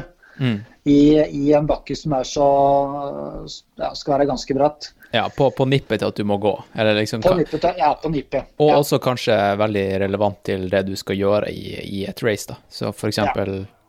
i det her tilfellet så er det jo kanskje ideelt å gjøre det der du skulle gjøre, gjøre det. Hei, Tyler, jeg, jeg podkaster. Det, det, det er bare å det er bare å bråke, men det er bare så du vet om det, liksom. Ja,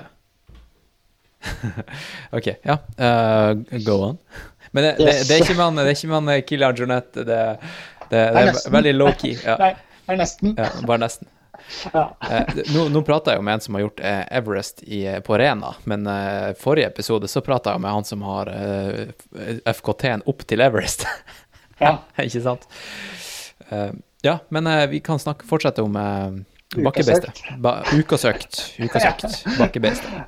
Uh, jo, da er det på en måte Du skal kjøre da ti minutter uh, først. Uh, du, begynner på, du, begynner med timinutteren. Ja. kjører den. Du begynner, begynner litt forsiktig. og da øker tempoet gradvis og skal da på en måte være tom da når du har nådd ti minutter ja. i bakken. Og så snur du med en gang og løper ned igjen til, til start. Og da, når du kommer ned, så snur du med en gang, løper opp igjen eh, åtte minutter. Og fortsetter da 6-4-2. Ja, ikke sant. Så det er nedtrapping. Det er nedtrapping. Ja, men, ja. men, med samme prinsipp, at du skal løpe liksom løp, Løpe det du har i de minuttene. Ja. ja. Så den, den, tror jeg nok har hatt veldig godt utbytte av. Også den, den økta. Det har det har gitt meg noe det lille ekstra, tror jeg, mm. som, eh, som, jeg ikke har hatt tidligere. Mm. Jeg kjenner jo at bakker går, eh, går lettere og lettere, og, og, eh, og, begynner å få ganske bra snert i, i motbakka. Ja. Så jeg er veldig spent på hvordan det, det vil gå videre da, når vi, når vi skal begynne å konkurrere mot andre, og se, og se når man faktisk skal måle seg mot andre. Ja, ikke sant. Det, det kan bli spennende. Altså. Ja, jeg tror det. Ja. Hva du tror du om eh, Ja, jeg skal ikke ta noen avsporinger. Vi kan for, vi fortsetter. Eh, jeg fikk, en, jeg fikk eh, tilbakemelding av at jeg, jeg, jeg, avbryter gjestene mine. Ja, det har jeg hørt. Ja. Jeg hørte du sa det en annen Ja. Jeg var ute og, og flagga det i en annen podkast. Ja, okay. Så jeg skal, jeg skal prøve skal, Fra nå av skal jeg bare la deg ta styreshowet. Ja, Det er veldig artig at du går inn og korrigerer litt og, og på en måte drar meg inn på et riktig spor. Da, for det, og, ja. Du blir sikkert lei av å høre stemma mi hele tida.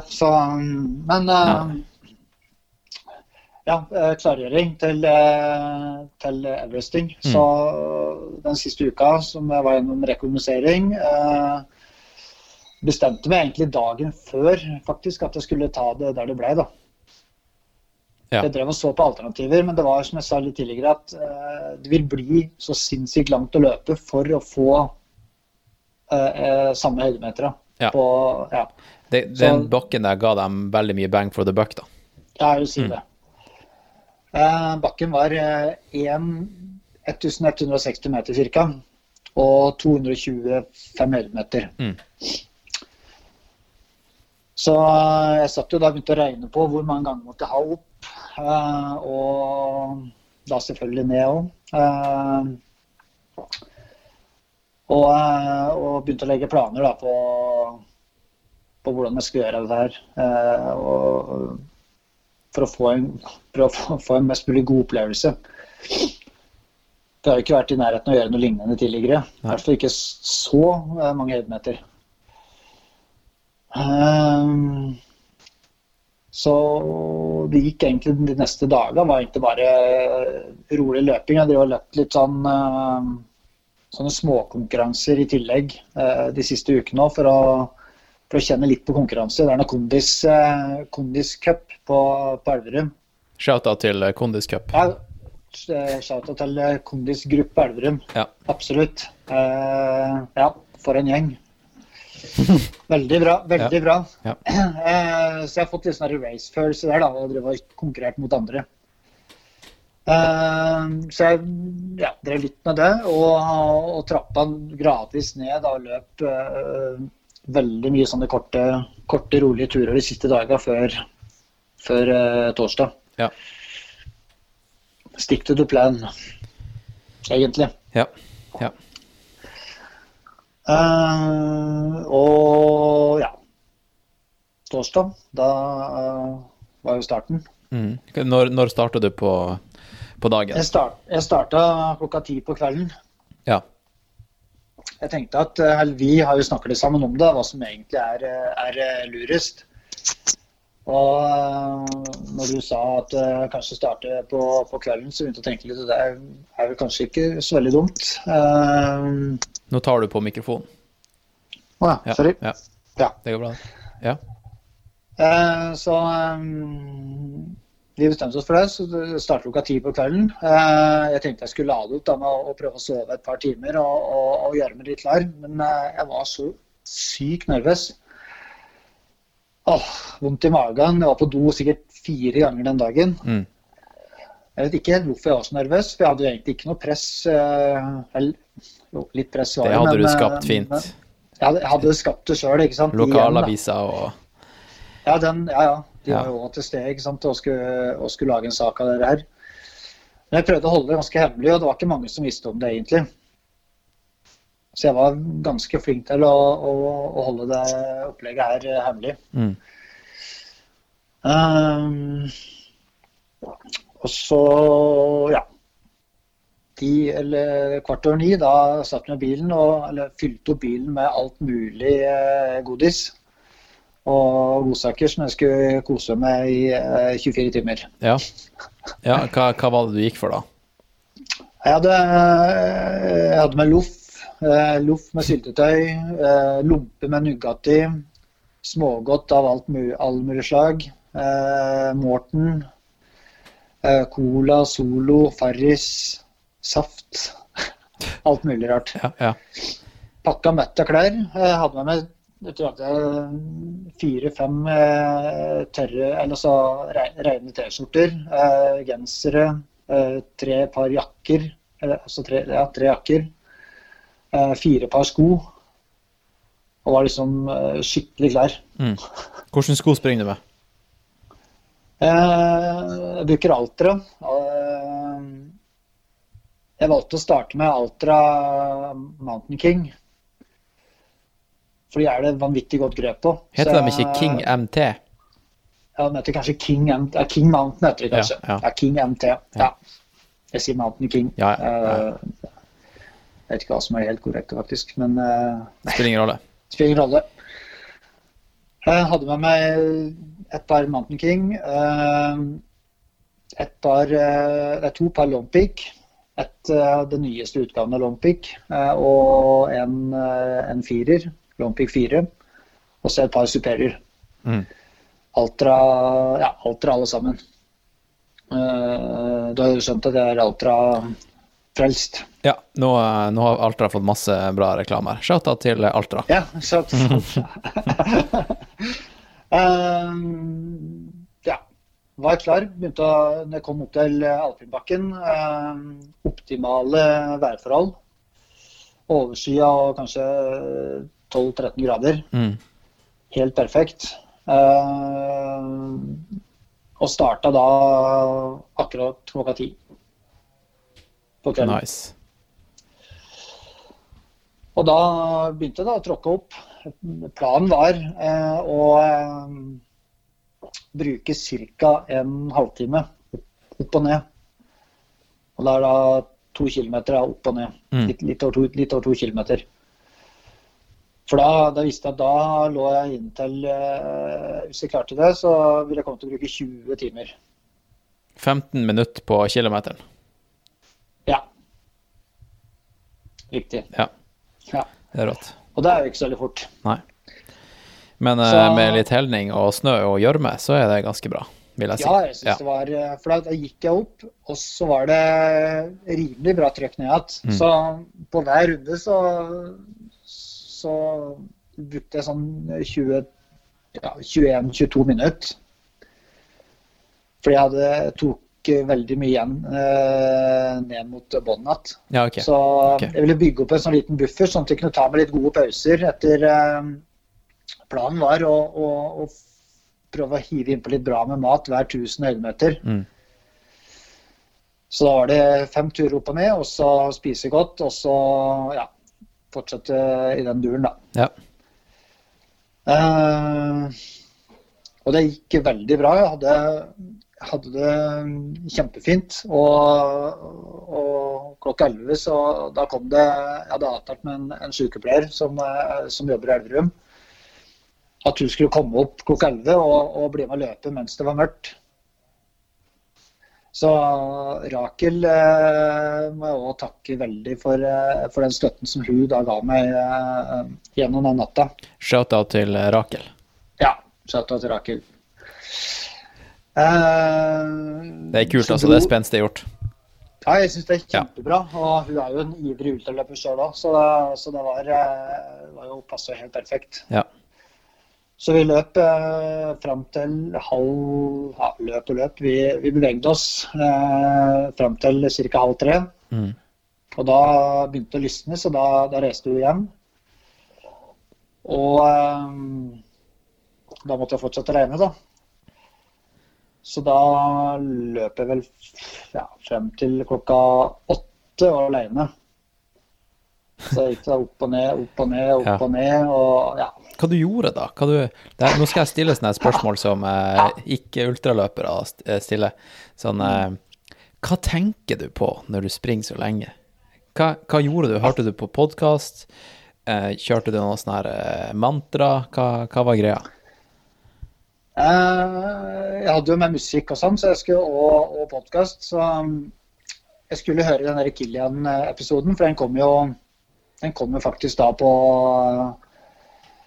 ja, på natt på Nell i løpet av morgenkvisten, tror jeg. På, Nei, det, nei jeg sendte deg eh, lydfila Ja, i forkant. Ja, ja, men jeg mener jeg fikk den Patrion-meldinga òg om at uh, da kom inn, det var kanskje video. Ja, ja, det var videovarianten, ja. Ja. Ja. Så jeg hadde jeg bare var så sinnssykt klar for å gå og høre på den, og, og var kjempemotivert. Det er fett. Men, men så klikka det, så jeg når jeg på en måte starta podkasten, så begynte jeg å høre på den. Og så putta jeg telefonen i lomma, og så gikk det en liten stund, og så stoppa den. Hm. Og, sånn, og så prøvde jeg å starte på nytt, og da begynte den helt på nytt igjen. Det er nok fordi så, at uh, det var en video. Ja, OK. Eh, men hvis det var lydvarianten Nei, ja. jeg, jeg prøvde, prøvde den lyd eh, som du sendte meg, ja. og det funka ikke i det hele tatt. Så den har jeg ikke hørt ennå, da. Å ja, ok. Ja. Du, da, da må du høre introen og outroen, for jeg miksa Jeg lagde noen uh, kule jeg, Litt kule beats også. og sampla Ja. Kilian litt. ja. Ja. Det, det gjør han da etter venter til han kommer på, på Spotify, for da, da har du sikkert uh, laget en outro og en ja intro den, den kom i går kveld. Han kom i går Ja, kveld? ja. Aha. Så da må bare sjekke den nå etter vi har eh, lagt på her. OK. Ja, jeg skal gjøre det. Ja, ja men eh, så det, så Men, gikk, eh, og, det- det og, så- det er kult at du hadde det som en gulrot, da, selv om det ikke gikk Ja, som det planlagt. var, det var en kjempegulrot. Mm. Og så, så kom jo den der andre podkasten som vi snakka om i stad, så, så jeg hørte på den nå. Ja. De har hatt noen bra i det siste, altså. Ja, jeg syns den var veldig bra, den siste nå. Ja. Absolutt. Hva du tenker uh, Kan vi bare, kan vi bare Sorry at jeg avbryter, liksom. Ja. Og til folkens, folk som er irritert på meg nå, men hva du tenker om eh, når du hører liksom om eh, På i det lange løp, og du hører om de her som eh, springer fort og flatt, og du hører om ukas økt, og du hører om terskel og dobbel terskel og alt det der. Altså, hvor, er det vanskelig for deg å, å, eh, å tenke liksom eh, at du er en ultraløper og fjelløper og, og driver med litt annen sjanger løping, liksom? Det, er det lett for deg å rive deg med? Jeg blir, eh, jeg blir veldig engasjert og kjempeivrig. Ja. Jeg må innrømme det, så jeg kan, jeg kan nesten ikke høre på den jeg er ute på sånn eh, ja, La oss si jeg skal løpe en halvannen time, da, Ja. eh, rolig. Ja. Da, da, da skjer det noe oppi huet når jeg hører på den, for jeg blir så, så engasjert når jeg hører på Sondre Nordstad Moen snakker. ikke sant? Så bare Ja. å, ute på sånn der rolig tur og 3.30-fart og sånn. ja. Og så bare Å, vi er der, ja. så da, da, da blir jeg skikkelig gira. Så tenker hvordan i all verden er det mulig å løpe så fort på en rolig tur? Og, og så begynner jeg å løpe, da, så går det fortere og fortere med meg. ikke sant? Jeg er jo Mm. ikke der, langt unna den farta der, men, eh, men eh, jeg blir liksom så blir sånn oppjaga, da. Ja, fordi de snakker jo ofte om liksom de, her, de hardøktene hele tida. Også. De her, de her Ja, gulløktene som de husker Ja. tilbake på. Mm. Ja, men det var en liten avsporing. Men det er bare artig å høre liksom, hvordan er det um, en ultraløper eh, på en måte, Hvordan er tilnærminga di til, til det? For det tror jeg er mange som relaterer til. Ja. Fordi vi kan er jo si det at eh, mesteparten av det, den uh, løpinga som du gjør, er jo til og fra jobb og sånn. Det er så i hermetegn kjedelig løping. ja men uh, veldig effektivt. Ja. Så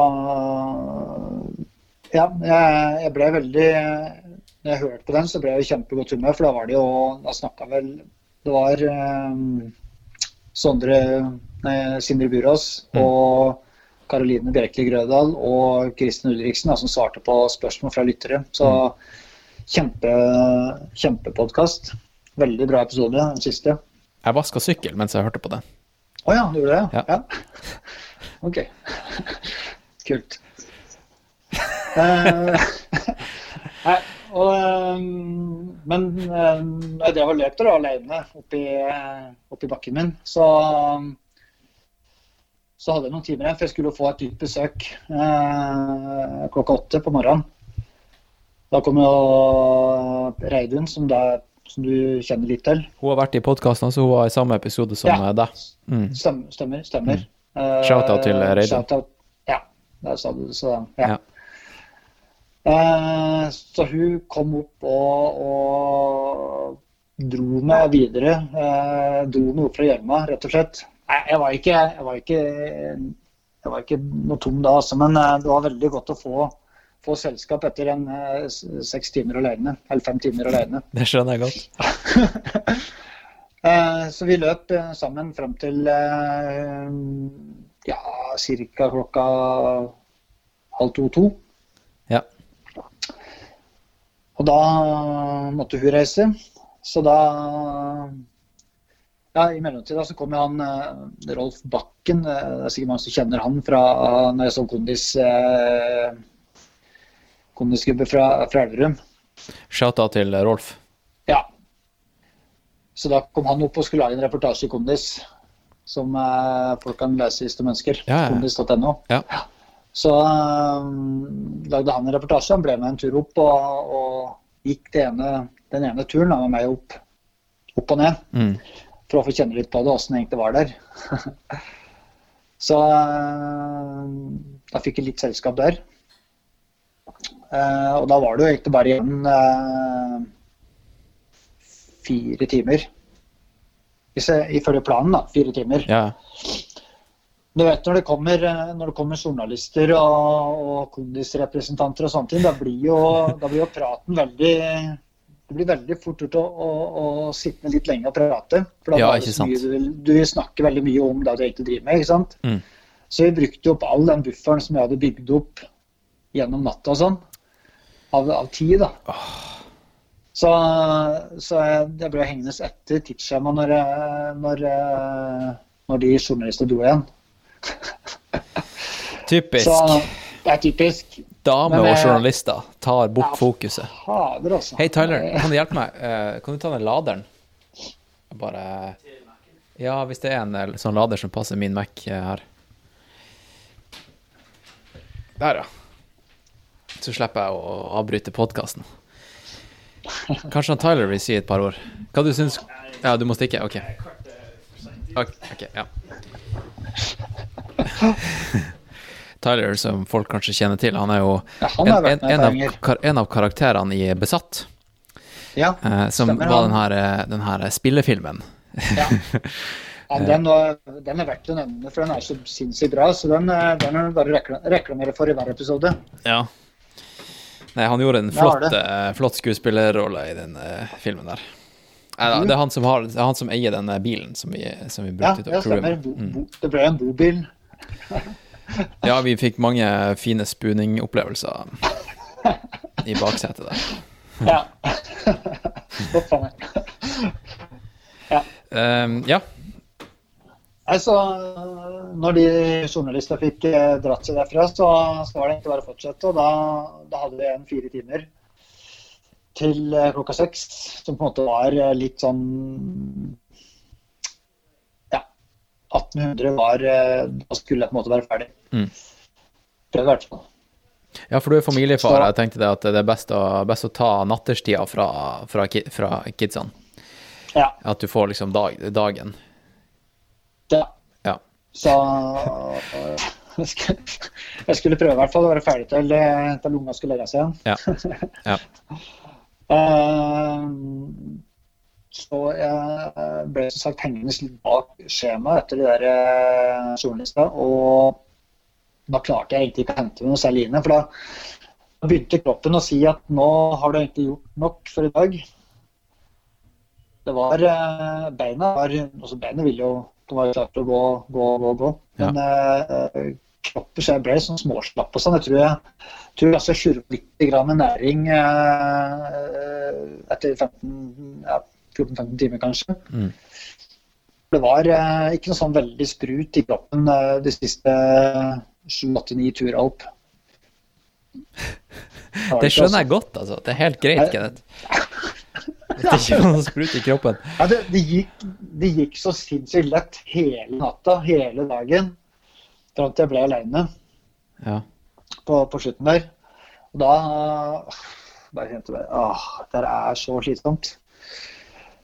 Men, eh, men jeg klarte det, og de to siste turene opp så bare Ja, nå går jeg bare og skal jeg bli ferdig, så har begynte jeg nesten å løpe oppover for å bli ferdig fortest mulig. Da satt jeg en sånn skikkelig sluttspurt. Eh, siste gangen gikk det greit, og siste gangen var det bare bånn spiker fra bånda og bare ja, skal bli ferdig. Så løp jeg faktisk ganske mye av eh, den motbakken oppover for å, for å, for å bli ferdig fortest mulig. Så da, da det kommet folk, det sto jo sju-åtte stykker i bånn og jubla og heia og sånn jeg kom ned den siste gangen. Rått. Så det var, eh, var skikkelig artig, altså. Så da ble det 20 timer og, og, og 7 minutter. Helt nøyaktig. Ja, de 7 minuttene hva Det er Kondis sin feil. det- er Kondis sin feil. Vi gir den til Kondis. Ja. De skal Så få den. ja, ja, de skal få den. Altså, alt i alt er veldig fornøyd. Mm. Absolutt. Ja. Med de forholda og, og sånne ting. Så ja, jeg er veldig fornøyd med det. Også. Ja. Nei, det burde det være. Altså. Det er jo helt sjukt, det du har gjort. Det, det er jo veldig enkelt å gå blind på de her eh, De her sjuke eh, innsatsene som blir eh, Som blir gjort eh, blant ultraløpere. For at eh, for eksempel eh, Altså, vi har jo vårt ekkokammer, ikke sant? Vi vi følger jo bare ultraløpere på Instagram, og vi ser jo bare de drøye greiene hele tida. Mm. Eh, men det å liksom springe i 20 timer opp og ned ei skrent på Rena, liksom, hva Ja. eh, det, er vi- Jeg tror det er viktig å tre ut av den bobla iblant og bare se litt på hva er det vi driver med, liksom. Ja. ja. Ja, nei, så da var eh, Jeg var temmelig fornøyd da når jeg var ferdig der. Mm. Det var det. Mm. Så jeg tror ikke eh, Ja, det kommer nok ikke til å bli så mye treningsøkter der nå de nærmeste to ukene, tror jeg. Jeg er litt sånn fedd på den bakken. Det er bra. Det skjønner jeg, skjønner jeg veldig godt. Så ja, vi får se hva tiden bringer utover eh, uka og nettuka og sånt. Men uh, Ja. ikke uh, Sjallenbakke. Jeg sa jo til deg i forkant liksom at uh, nå er du på vei til å gjøre noe legendarisk, Kenneth. Du vet at uh, den, eh, den bakken der, hva det, diger... eh, Hva heter hva den heter Nå, det heter Digeråsen tidligere, for de som kanskje hvis det er noen av lyttere som har vært der før. Men, eh, Nå heter de den Kenneth Aasen. Ja, Kenneth Aasen. Den har bytta navn til, eh, til Birkenåsen nå, faktisk. Det ligger Ok. jo midt der Bir- Birkebeinerriket, ikke sant. Det er det de kaller det oppe i, skauen. da. Så er det Birke, Birkebeinerriket, at Birken går jo rett forbi oppi her. ok. Så ja, så Birkenåsen er nå Kenneth Aasen. Ja, nei, for det var det jeg skulle si, at uh, jeg sa jo til deg i forkant eh, at um, det kommer til å bli en sånn bakke der folk går forbi og sier sånn her Har du hørt, han Ken, har du hørt om han Kenneth Ern som i 2020 løp opp og ned der og gjorde den, uh, den om til Everest? Det kommer til Ja. å bli en sånn greie. Ja, det, det er noe godt med det. Ja. Det jo- nå er det det. har Ja, det, er- det er jo det, faktisk. Mm. Og jeg har jo fått veldig mye bra tilbakemelding eh, etter, eh, etter det her. Og folk bare Å, kult. Og ja, det er helt rått. Bøye meg i, i hatten, skulle jeg vel si. Eh, så, så ja, det er skikkelig kult å få så mye bra tilbakemeldinger, altså. Får du noen sånne tilbakemelding som Hvorfor? Ja. Why? Ja. Ja. Hva du svarer da? Ja, hvorfor ikke, tenker jeg. Det er jo eh, Jeg bruker jo det at eh, Jeg har jo alltid vært veldig glad i eh, litt utfordringer, da. Og gjøre noe som kanskje er litt sånn utafor komfortsona. Ja. Og når da alle de løpa som har blitt avlyst, så, så, så måtte vi bare finne på en greie. Og det, det ble jo da det her. Ja, altså, ja. Jeg tror aldri jeg har fått så mye kudos på, på Strava av folk som jeg aldri kjenner. Og bare mett av folk som har tatt follow ikke sant? på de siste dagene. Så har jeg bare tikka inn sånne follow-meldinger hele tida. Eh, så det er, det er folk er nok, syns nok sånne ting er litt artig. Og de eh, blir, ja, jeg håper at det inspirerer litt eller at andre òg vil, eh, vil prøve.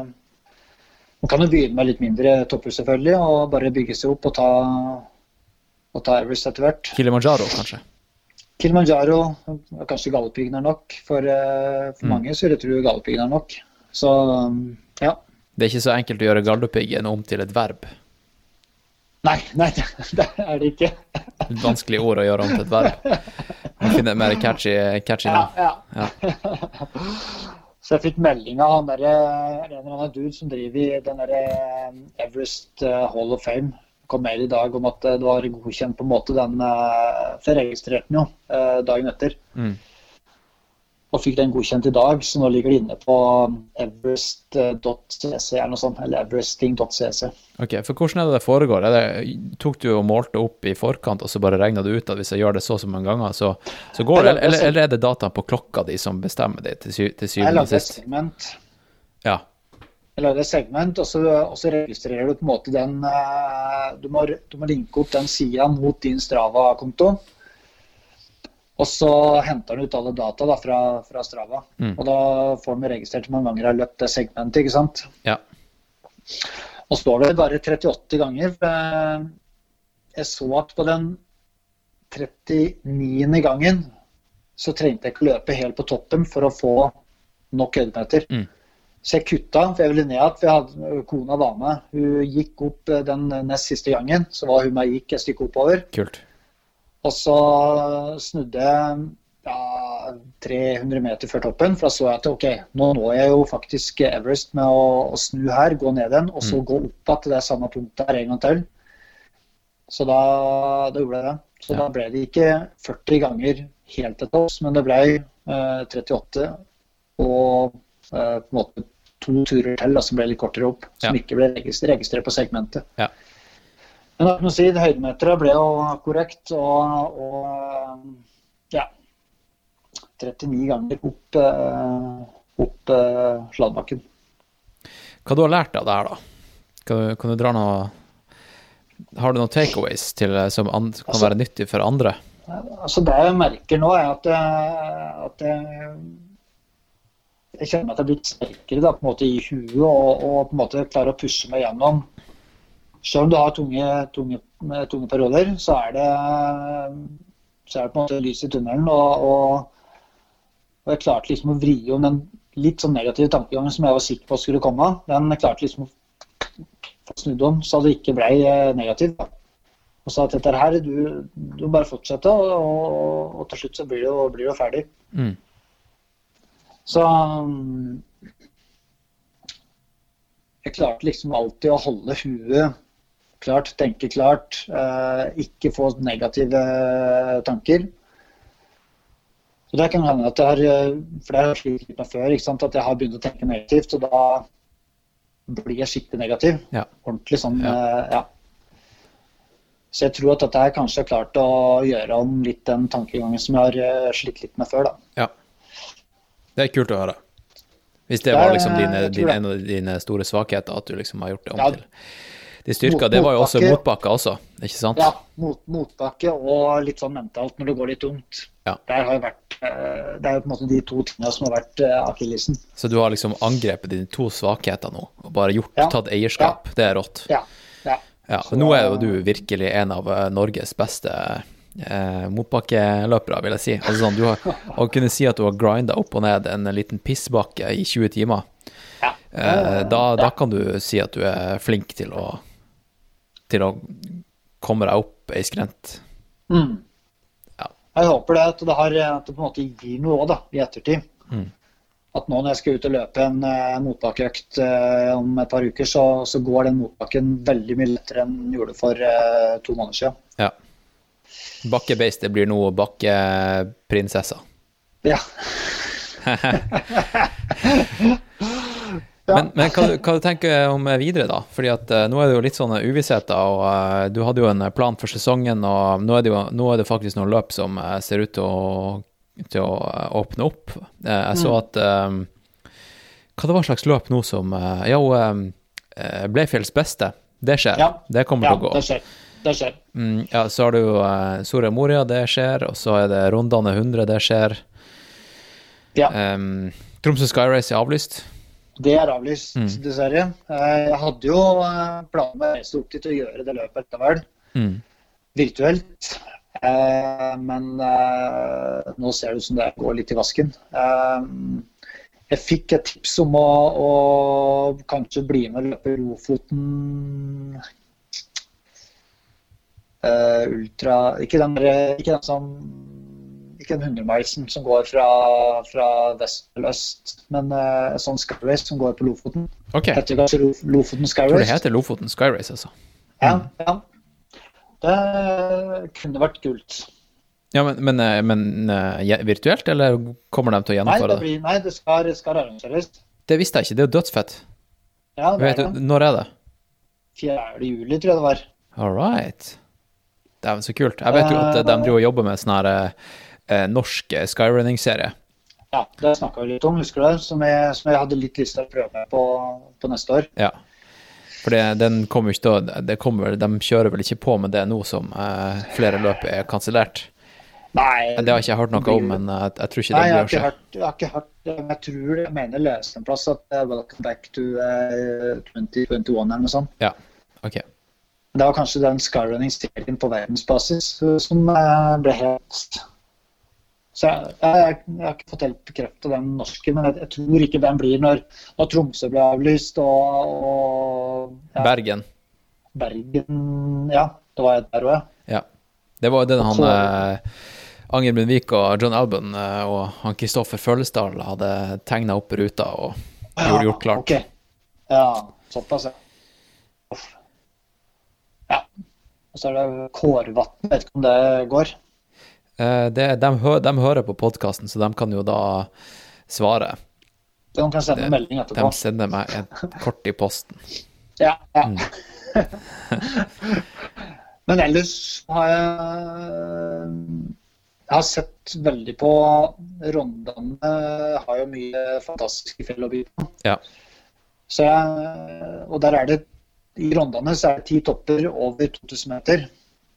Og det er jo blitt en greie å løpe den Rondane eh, 10 2K eller hva det heter for noe. Ja. Og det er en sånn runde. Da lager jeg sånn GPX-spor eh, som du kan følge da, og løpe på. Og så er det selvfølgelig konkurranse om å løpe fortest der. Ja. Og det er eh, en runde på ca. 42 eller 43 km, og da over i sånne topper da, som er 2000 meter. Ok, vet du hvor mange høydemeter det er akkumulert? Jeg husker ikke. 5000-6000 eller sånn. Ja, det er jo ingenting i forhold til det du gjorde i helga. Nei, det er jo det er bare en liten ja, Herregud, hva er 5000-6000, ikke sant? Ja, ikke sant? Men, eh, så det har jeg tenkt å gjøre. Det blir bare en sånn greie å bare eh, ta en helg og reise opp og, og løpe gjennom natta, og så, og så hjem igjen. Så får vi se når det blir. Jeg hadde litt lyst til å prøve å gjøre det i juli, for da er det kanskje den lyseste tida på, på året. Ja, sant, for da kan du gjøre det på natta. Ja. Ja, uten at det er skikkelig risiko. ja. Ja. Så, så det er i hvert fall eh, det. Og, og Molde ble jo flytta til, til september. Mm. Så NM går jo i slutten av september, så det er jo egentlig bare å, å, å trene mot det, for så vidt. Ja. Så kan du jo være med der. Ja. Det ble jo bare flytta startnummeret. ja, hvorfor ikke, liksom? Det er jo NM. er- Jeg syns det er helt perfekt at det blir flytta til eh, september. Da er det jo kanskje enda bedre forhold i fjellet. Det er sant, det. Norsk, eh, norsk høst er det beste i fjellet. Det er helt fantastisk. Ja. Og, og Birken nå er jo flytta til eh, september. Det er det, ja. Ja, så det er fortsatt Da må du ta et valg. avlyst. Ja, det blir, eh, det blir NM. ja, ja. Jeg tenker å ta en sykkeltur til Molde er, eh, er egentlig helt innafor den helga. Det er 26. september, tror jeg. Ok. Så det går an å ha flere bursdager sånn, da oppå der. Tenker jeg. Ja. ja men har, du har bursdag, da. Jeg har bursdag eh, to dager før. Mm. Så går det an å ta en fest. Ta med deg familien og, ja. Ja, ja. og kval, kvalle til VM. Ja, ja. Eh, men du skal jeg har jo, Ja. jeg har jo det som er, også, Det høres ut som jeg er skikkelig god, da, i og med at jeg skal være med på NM. Men, eh, men grunnen til at jeg meldte meg på der, er at jeg har fått mange tips om, eh, om eh, Molde som et sinnssykt fint løp. Mm. Så hadde det tilfeldigvis stemningsstatus i år, så da, da ble det jo det, da. Og det tenker jeg må jo fylle, fylle, fylle resultatlista, så da noen må jo noen må være nederst. Så da Eh, Nei, må du slutte. Nei, Nei da. må du gi deg. Vi får se. Det er, eh, det er artig å, å, å prøve. Ja. Eh, du, du har jo vært ute og rekognosert litt på Blaze Cup. Ja, Hva du tenker Ja. om Blaze Cup, da? Skal du gjøre det til en greie, eller? det blir en greie. Ja. Jeg løp de to korteste. Ja. Stirsdag og Lillo Trail. Tirsdag. Ja, da er var du, du fartsalder, så det var jo skikkelig bra. Ja. Jeg peisa deg inn på ja, hva det var, 1.06? 1.07. 1.07. Det står på du står 67 på, på scoreboard. Mm. Ja, altså Grunnen til at det heter scoreboard, er fordi at det klinger mye bedre enn eh, resultattavle. Ja. ja. Jeg fant liksom ikke Nei, Det er, det er helt greit. noe, noe bra, noe bra norsk ord for det. Eh, Altså, Har du et bedre norsk ord? Nei.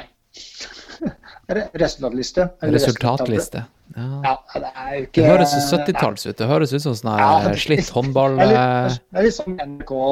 NRK. Ja. Ja. Og vi er ikke NRK. Ja, er ikke det. Det kan NRK ta seg av. Mm, Eh, men Men eh, jeg tenker å ta den siste ja, Jeg har litt lyst til å prøve den, eh, den lille trail òg, for det gikk jo ikke så veldig bra. Jeg var ute på en rekognosering. Ja.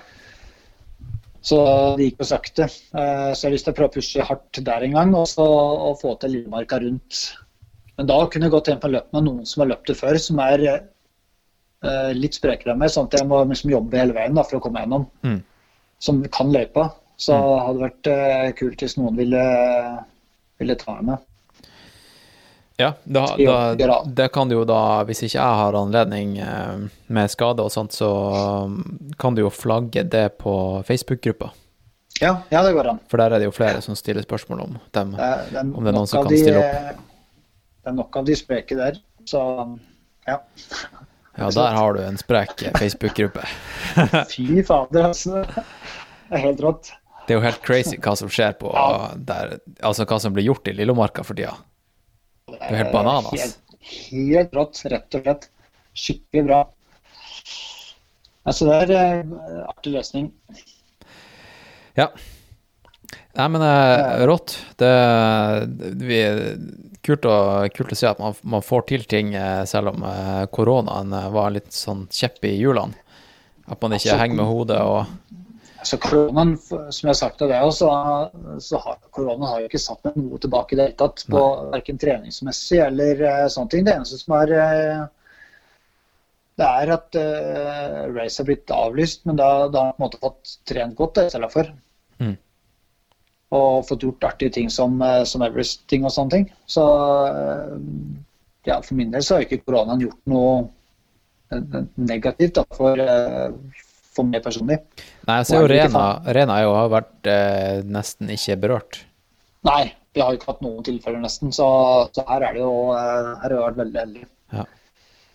Eh, har vi. hvor, eh, for dem som ikke vet, hvor er Rena i, på norgeskartet? Eh, Ca. en time fra Hamar. Du kjører eh, på en måte nord, nordøstover da, fra Hamar. Ja. Hamar, og så Elverum, og så nordover til, eh, til Rena. Tre, Ja. minutter nord for eh, Elverum. Så jeg regner med at for alle, de fleste vet hvor Hamar og Elverum er hen. Så ja. Ja. Der ligger det en liten bygd da, eh, i Ålmot kommune. Som eh, ja, som Forsvaret har etablert en eh, veldig stor militærbase. Ja. Så, så der du, holder jeg til. husker du den der, eh, den der eh, Ute i vår hage-episoden, når de var i Åmot og eh, forurensa drikkevannet? Jeg tror han eh, Yngve Haagensen var med der. Han var det Åmot eh, i Hedmark, eller Åmot eh, type Eh, Det var ikke kommunen, jeg tror det var liksom tettstedet, eller byen. Åmot. ja, ja, Åmot, ja, for da er du nede ved Det er ikke samme Ja. sted? Nei, Kongsberg eh, ja, Er ikke en plass til Åmot der, mellom Kongsberg og Drammen eller noe sånt? Ja, det er nok der, ja. Jeg tror kanskje at det er der nede de eh, For her tror jeg ikke det har vært noe utover Hagen. Nei, ikke sant? Nei, jeg bare begynte å koble sammen ting. Ja, for det her, her er kommunen, ja. Åmot kommune. Ja, ja. Rena, Rena ligger òg mot kommune. OK, da Så ja. ja. Ja, nei, men eh, Så sånn hva du tenker du, Kenneth? Eh, Du har jo hørt en god del på podkasten her. Har, har du hørt på alle episodene? Jeg har eh, ikke hørt på alle. Men du vet formatet, da, at på slutten så, Ja. så jeg bruker å spørre om sånn her, om folk har noen tips og triks, da. Um, om, har, har du noen sånne her killer eh, tips og triks eh, fra, fra, fra Rena og, i livet ditt? Hva eh, motivasjonsmessig og, og sånt, da? Hvordan kan folk eh, komme seg ut av korona... Jeg har jo, jeg har jo på en måte noe Jeg driver og trener litt med noen kompiser, sånn, og han ene har virkelig gått i en sånn korona, koronaboble. Ja. Og kommer seg ikke ut og trene i det hele tatt. Så jeg har liksom prøvd eh, de forskjellige tinga jeg kan for å, for å få dratt meg ut, da, men jeg, jeg klarer det ikke helt. Så Nei, altså jeg sliter ikke med sånne depresjoner sjøl når, det- når det skjer ting. Altså jeg er jo så motivert av å trene hele tida. Så, så jeg, jeg kommer ut uansett. Mm. Selvfølgelig har jeg noen sånne litt, sånn, litt tyngre dager, men liksom, jeg vet at kommer jeg meg ut, så, så er mye gjort, liksom. Så det er liksom bare å, å, å få på seg skoa og, og komme seg ut, så, så tror jeg mye er gjort. Mm. Og, Det tror jeg eh, også. Ja. Nei, det høres bra ut, altså. Det, det der med at eh, bare man kommer seg ut, så er mye gjort. Og Ja. man angrer jo aldri på en, eh, på en tur ut, selv om det kanskje ikke ble som planlagt den økta fordi at du var litt mer sliten enn du tenkte. Så eh, Ja, det er i hvert er fall litt mer enn å ligge inne. nettopp. Ja. Så, Så jeg tror at det, det er viktig å på en måte overvinne den der eh, den dørstokk, dørstokkbila som mange kan slite med. ja.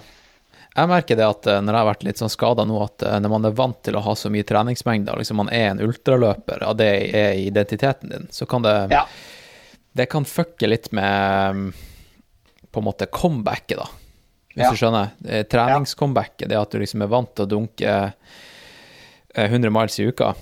Mm. Mm. Det, mm, ja, fordi da er terskelen for å starte opp igjen ganske, ganske høy. Ja. Ikke at jeg sliter med det nå, men jeg kan tenke meg at det er liksom samme tingen som folk kan relatere til hvis de eh, har latt seg dra, bli dratt ned i, i eh, sørpa av koronaen. At det, Ja. Og det er det mange som er der. Mange mister helt motivasjon. Som, eh, det er ikke noe konkurranse å trene mot. Det er på en måte ingenting, men, eh, men samtidig så er det er veldig mange lag og foreninger rundt omkring som er veldig flinke til å lage sånne virtuelle eh, løp. da. mm, Og bare se Blaze Cup, f.eks., hvor populært det er blitt. Ja. Jeg tror det er veldig viktig å ha en sånn greie da, å, å, å gå til. Ja. For du kan trene veldig bra og, og ha en sånn, sånn type cup da, og, som en gulrot. Jeg ser bare den der kondiscupen på Elverum og er eh, helt eh, Ja, det er kjempebra. For du, du klarer jo å få en skikkelig hardøkt ikke sant? ut av en sånn eh, For jeg ser bare på det som trening. Mm. Og, da, og da får jeg kjørt en skikkelig hardøkt en gang iblant. ja. Eller vil si hver uke, da, som du som, for det er jo nye segmenter hver uke som du skal løpe gjennom. Og da, da får jeg en ny, ny hardøkt. Det er litt kult, da. At du aldri Ja, helt vet. Det er litt sånn crossfit-mentalitet. At du, når du går på Ja. trening, så vet du ikke helt hva du skal få. Ja. Du får sånn Stemmer. tilfeldig Ja. mm. Ja, men det er rått. og kult å, kult å, å prate med deg og få litt sånn rundown av hele, hele opplegget. Jeg tror det, Mm. jeg tror det jeg tror det, det hjalp veldig å få liksom hele historien din som ultraløper også, og høre hva du har gjort og hvilken type løper du er, liksom historikken. For at um, det er mange som, som bare ser det man har gjort nettopp, og tenker at uh, ja, han bare gjorde det, han. Men du har Ja. jo, du har jo trent litt. ja, jeg har trent litt. Det er blitt ganske bra nå. Ja. Så nå må vi bare fortsette. Holde oss, holde oss skadefri og, og, og, og kjøre på videre. eh, Og satse på at den holder seg skadefri videre fremover. Ja, vi må bare kjøre på. Nå må, nå, nå må vi se på et nytt opplegg. Eh, Nå er det jo ganske blankt i planen fremover, så nå må vi begynne å se litt på Ja. Får du noia når du ser at det er blankt? ja. Ja.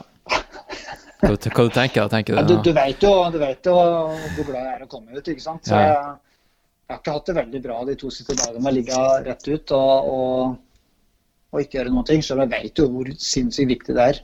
Ja. ja. Nei, altså, jeg, jeg lot det jo stå blankt fordi at uh, Ja, ja. eh, man vet, Jeg vet jo aldri hvordan du tar en sånn type uh, monstergreie som, som, som det var, da.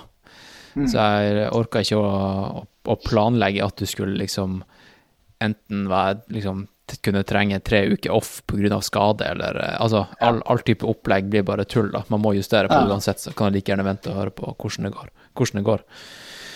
Mm. Sånn til sammenligning, sånn til sammenligning så, så kan jeg bare se den Birken-opplevelsen i 2016 som jeg, når jeg var ferdig med den og skulle stå opp igjen dagen etterpå, så klarte jeg ikke å, å komme ut av senga, for da beina var helt Aldri vært så stive i beina før som jeg var da. Jeg Mm. klarte ikke å gå, nesten. Så det, det viser jo på en måte at uh, å, å få inn uh, å få inn den der type treninga for, for å takle de altså som, ja, Birken er jo mye, mye utfor, og trene spesifikt og, og få en kontinuitet inn i den treninga, sånn at du, du takler de der harde nå har jo, ja, Som vi gjorde nå på torsdag og fredag, løper jo 8850 høydemeter ned òg. Så du skal jo på en måte tåle det, og da trenger du litt trening i, i, i banken først. Så Jeg sendte en melding da til Elisabeth Borgersen i, i, i stad og spurte hvordan beina hennes var. Det. Ja. For, eh, for jeg ble jo litt nysgjerrig i og med at hun hadde gjort, gjort det samme dagen. Ja.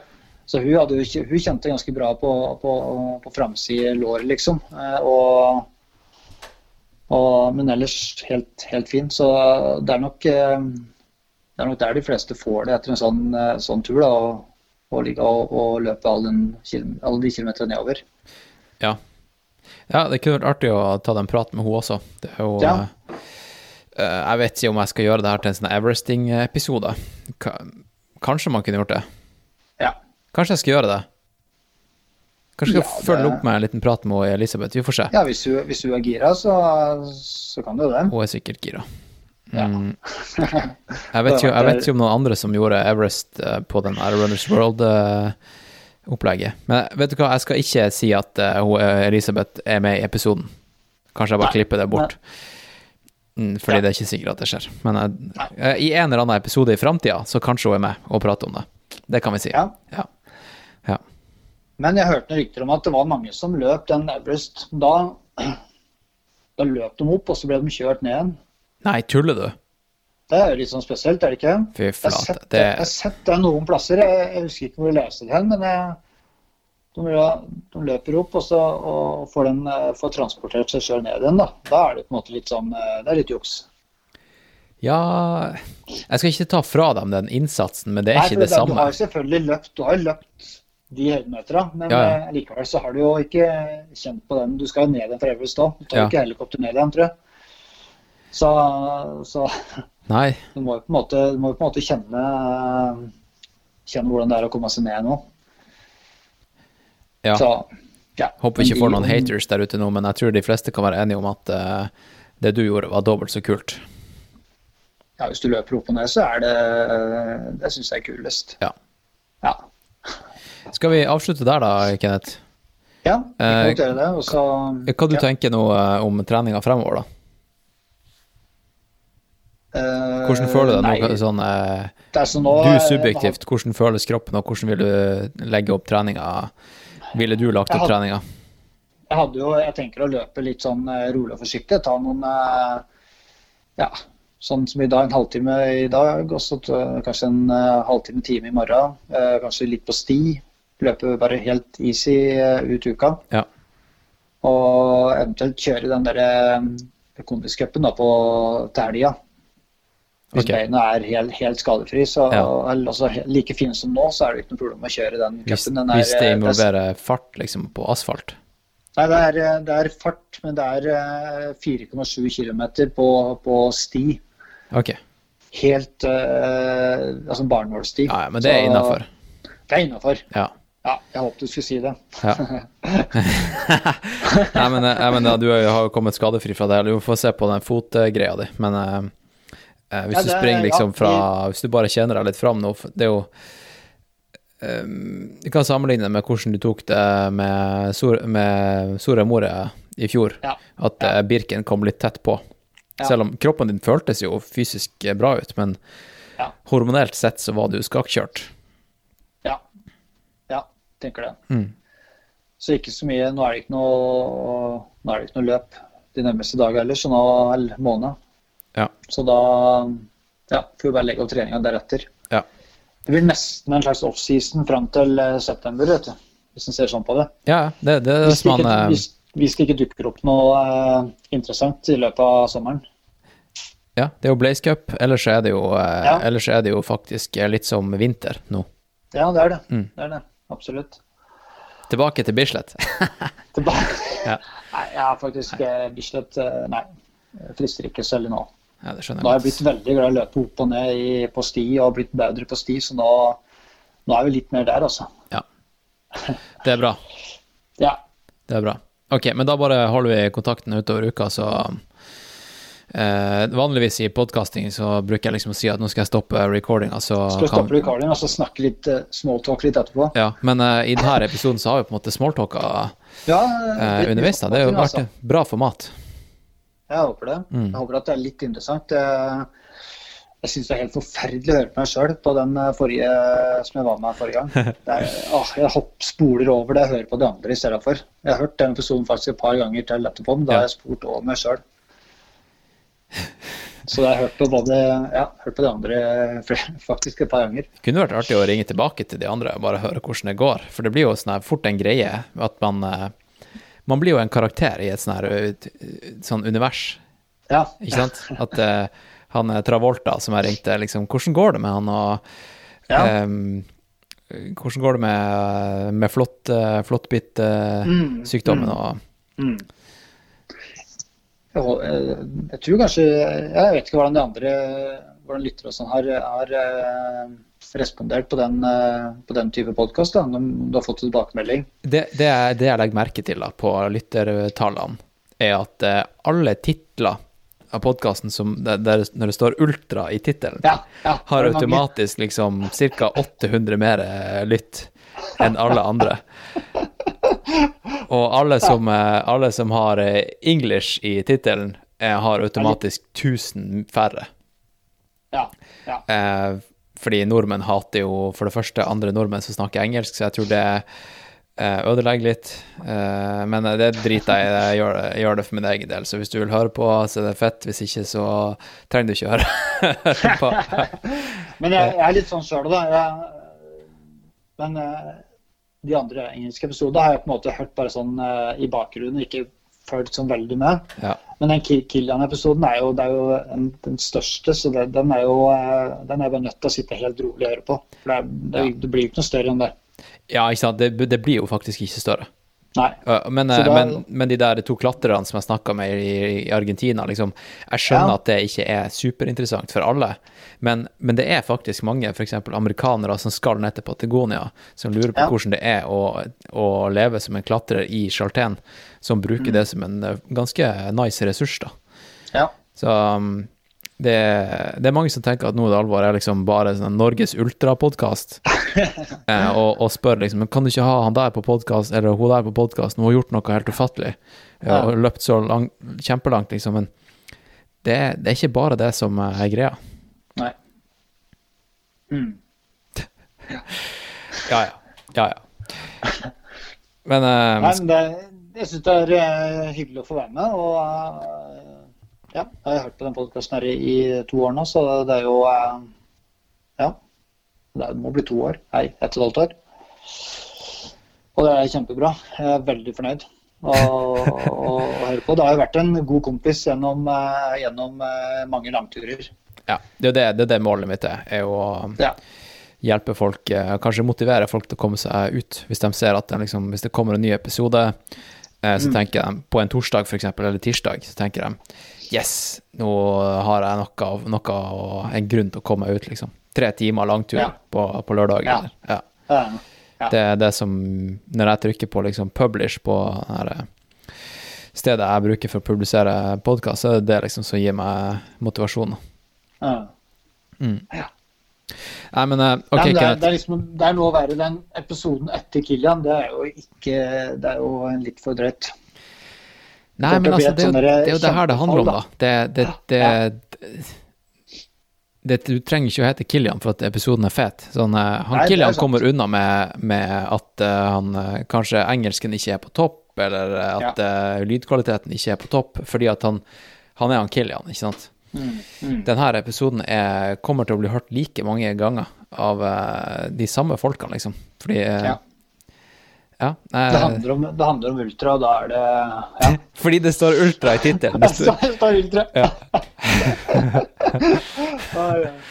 Folk, ass. Ja. Ja. Nei, men skal vi si det sånn, Kenneth? Altså, Da sier vi det sånn, så skal jeg begynne å forberede Nå er det jo ti av åtte, så vi må begynne å legge litt uh, kids, og så jeg får lagt meg på sofaen sjøl. Ja. Det er det som er det beste med å løpe så mye, for da kan du trygt legge deg på sofaen og, og drikke saft og, og spise brødskive med brunost på kvelden. Ikke sant? Du, men, Eller, en sånn, eller en bar som en uh, har lagd. ja, ikke sant? Men du, jeg har godt, uh, godt inntrykk av kosten din og sånt. Du, du er ikke sånn her eh, junkfood-kiss. Du, Nei, jeg vet ikke. Nei jeg syns det er eh, det er godt å ta seg en pizza iblant. oss. Ja, men pizza, altså, du, Men- du har et norsk kosthold. Pizza er en del av norsk ja, det- eh, så jeg er veldig opptatt av- grønnsaker og sånt til hvert måltid. Og, og, og spiser jo også vanlig, vanlig mat. Altså, jeg, og drikker jo ja, jeg drikker aldri brus. jeg drikker aldri Alkohol har jeg aldri har jeg ikke smakt i år. Nei. Og, og nå er ikke det noe sånn Ja. Ikke sånn at det er noe farlig å ta seg noe alkohol og sånn, men jeg har veldig Jeg, jeg drikker det veldig sjeldent. Og, og prøver å spise noenlunde sunt, da. Så jeg, da har jeg blitt, blitt inspirert av eh, Du har jo hatt besøk av noen ernæringsfysiologer og sånn tidligere, og bl.a. Ingvild Måkestad. og det, Da fikk jeg jo ble inspirert der, ikke sant Ja. av kosthold er faktisk veldig viktig for å, for å yte i, i den idretten her, da. Det er det, prøver, å ha et, å ha et eh, bra, bra Jeg prøver å ha et bra, bra kosthold. Mm. Det viktigste Så- for deg er å bare få i deg nok kalorier, og så kan Ja. eh, Ja. eh, på en måte eh, hva, hva de, hva, hvordan matkaloriene kommer fra, er jo- sekundært, faktisk. Mm. Mm. Ja. Jepp. Ja. Men eh, god, legging, god leggings, da. Jo, takk Ja. for det. Så, så snakkes vi. Men da bare løper litt sånn eh, som det passer seg da framover. Ja, vi, vi, vi, vi, vi, eh, vi, vi chattes litt om hvordan du skal springe. ja, vi gjør det. Ja, det tar vi ikke på Ja. podkasten. Det er hemmelig. Det er hemmelig. Strengt hemmelig. Strengt hemmelig. Ja. Ja. Ok, Ok, Nei, men da snakkes vi. vi gjør det. Ha, ha det bra. Yes, Ha det. ha det bra. Like Britney Spears once said, there are those of us who observe those of us who are here to entertain. We're here to entertain you, bitch.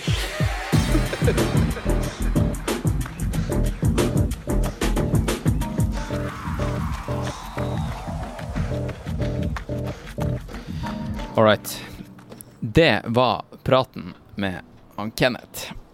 Rett og slett, folkens. Og som jeg da sa i introen, så skulle jeg komme her på, på tampen av episoden med en uh, killer oppskrift som uh, passer perfekt å lage hvis du skal ut på en langtur og trenger optimal restitusjon, eller recovery, som det heter på fagspråket. Så, så er det her oppskrifta for deg. Er dere klare, eller? jeg, hadde jeg vært deg, så hadde jeg, så hadde jeg virkelig spissa ørene nå, fordi det her Det her er tidenes vaffel. OK. Eh, da starter vi. Da starter vi. Um, OK, du trenger det her, Folkens, det her er ikke en vegansk vaffel. Bare så det er sagt. Det er, det er både Det er både egg og melkeprodukter her, så um, ta og Hvis du er veganer, kan du bare skru av. Fordi det er ikke noe som kan eh, replace, replace det her. Ett egg. OK, det her, det her er til én person, da. Så hvis du, hvis du er flere, bare, lag, bare doble, doble oppskrifta. Eh, Ett egg. Eh, så har jeg egentlig bare skrevet havre, og da tenker jeg da ca. Eh, kanskje to desiliter. To desiliter havre. Det her er veldig cirka-greie, folkens. Eh, og så tenker jeg da at eh, ja, det neste blir linfrø. Linfrø, OK? Eh, og før dere begynner å forestille dere eh, hvordan, her, eh, hvordan dere skal gå til verks her, så ta og vent til jeg har kommet meg gjennom ingredienslista, så skal jeg snakke om hvordan dere skal tilberede de her sjuke vaflene. OK? Det er ett egg, havre, linfrø. Så kommer det vann. Jeg vil ikke si hvor mye, for det, det må du justere etter hvert. Ca. to spiseskjeer yoghurt naturell. Det kan være gresk yoghurt, whatever. Eh, tyrkisk mm, Uansett. Ikke noe smak, i hvert fall. En halv uh, teskje salt. En teskje kardemomme. En teskje kanel. En halv teskje nellik. En halv teskje gurkemeie og en håndfull rosiner. Og til slutt en spiseskje cirka med olivenolje. Og til tilberedning, da, til å ha oppå vaflene når de er ferdige, så vil jeg at du skal ha tahini. Og hvis ikke, eh, hvis ikke du vet hva tahini er, så er det den her eh, eh, På en måte peanøttsmørets eh, Litt sånn eh, eh, glemte fetter. Det, er jo, det er jo ikke peanøtter. Det er Å, Jesus. Å, det er sesamfrø. Det er sesamfrø. det er rett og slett sesamfrø som er kverna opp til en eh, type paste, sånn som eh, peanøttsmør. Eh, hvis ikke du får tak i tahini, så du, bruker du peanøttsmør. Og oppå det her, da, når du har smurt deg et lag med tahini, så tar du og bare tar valnøtter, og så, og så smadrer du det, opp i hendene, og så legger du oppå, sånn at det på en måte er oppå den her smørja. Og oppå der igjen, så tar du en, bare bitte litt eh, salt, eh, og så vil jeg gjerne da at du tar noe søtt oppå der igjen. Så det kan enten være Du kan velge mellom banan eller eh, brunost. OK. Da har vi gått gjennom alle, alle ingrediensene. Og jeg skal, jeg skal lage Jeg skal lage en, eh, en Patrion-post på, eh, med oppskrifta her. Dette blir, eh, det er ikke eksklusivt Patrion, siden jeg nå nevner det i podkasten, men eh, jeg skal poste oppskrifta på Patrion. Patrion.com slash Neda Project. Du kan trykke på linken i shownotes. OK, så hvorfor egg? Jo, ikke bare er det liksom heldig for å binde alt sammen, men egg er et fullverdig protein, folkens. Det vil si at det inneholder absolutt alle aminosyrene. Altså inkludert alle de essensielle som eh, kroppen ikke klarer å lage sjøl. Så egg er rett og slett en komplett en komplett uh, pakke. Det er, det er noen som mener at uh, ja, det har masse kolesterol, så det er dårlig for kolesterolet, men det er ikke sånn, folkens, at når du spiser kolesterol, at du får høyt kolesterol. Kroppen nedregulerer. Hvis du får inn kolesterol, så går du ned i din egen produksjon, og, og vice versa, da. Så da var det sagt. Skal vi se her. Mm. Jo, jeg kom til å tenke på han eh, Rocky. Han drakk jo seks rå egg, husker jeg, eh, før han satt ut på en løpetur på morgenen. Hvis dere husker Rocky 1, når han liksom går rundt i, i um, sånn grå jogge, joggebukse og, og hoodie, og står opp fem på morgenen før hele, hele Philadelphia har rukket å stå opp, og så cracker han seg masse egg, bare downer det, og så springer han ut. Kanskje han var inne, inne på noe der. Ja, det er jo mest fordi at uh, altså hvis du har et vaffeljern som er, blir ufattelig varmt, som vanligvis uh, brenner vaflene, ta og kvitt deg med det vaffeljernet. fordi at uh, da kommer du til å uh, rett og slett ødelegge mye av det som er bra med egget. Fordi jo, jo høyere varme, jo mindre nutrients får du i kroppen. Så, så ta og velg, et, velg, en innstilling på vaffeljernet. Hvis du har, er så heldig som har masse innstillinger, ta og velg ca. Medium, medium varme. Mm. Men det som er med egg, da, er at eh, det har Det har nesten alle vitaminene også. Det har 12 av 13 vitaminer. Og det eneste det mangler, er C-vitamin. Så hvis du vil ha et komplett måltid, folkens, så tar du deg en kiwi eller en appelsin på sida. Da, da, har du liksom virkelig ordna det. OK, så linfrø, da. Det er jo da en, eh, en ganske nice kilde til, eh, til omega-3. Eh, og jeg kommer, jeg kommer, da inn på tilberedningsmetoden her, folkens. For det, det er veldig retta mot løping, tenker jeg.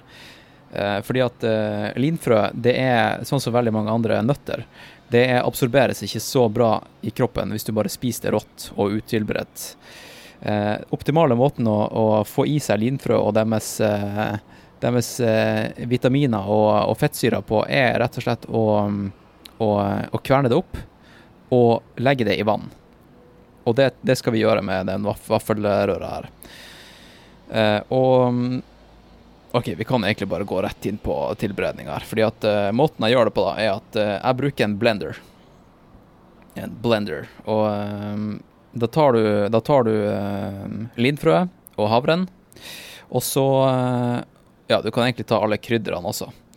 Og så tar du akkurat akkurat så mye vann at det på en måte blir en sånn her um, Ja, litt sånn veldig tjukk masse. Sånn at når, når under hver omdreining da, så får liksom de her, de her knivene gjort en skikkelig jobb, ikke sant? Hvis du har for mye vann oppi, så bare blir det sånn suppe, og da, da blir ikke linfrøene kverna opp.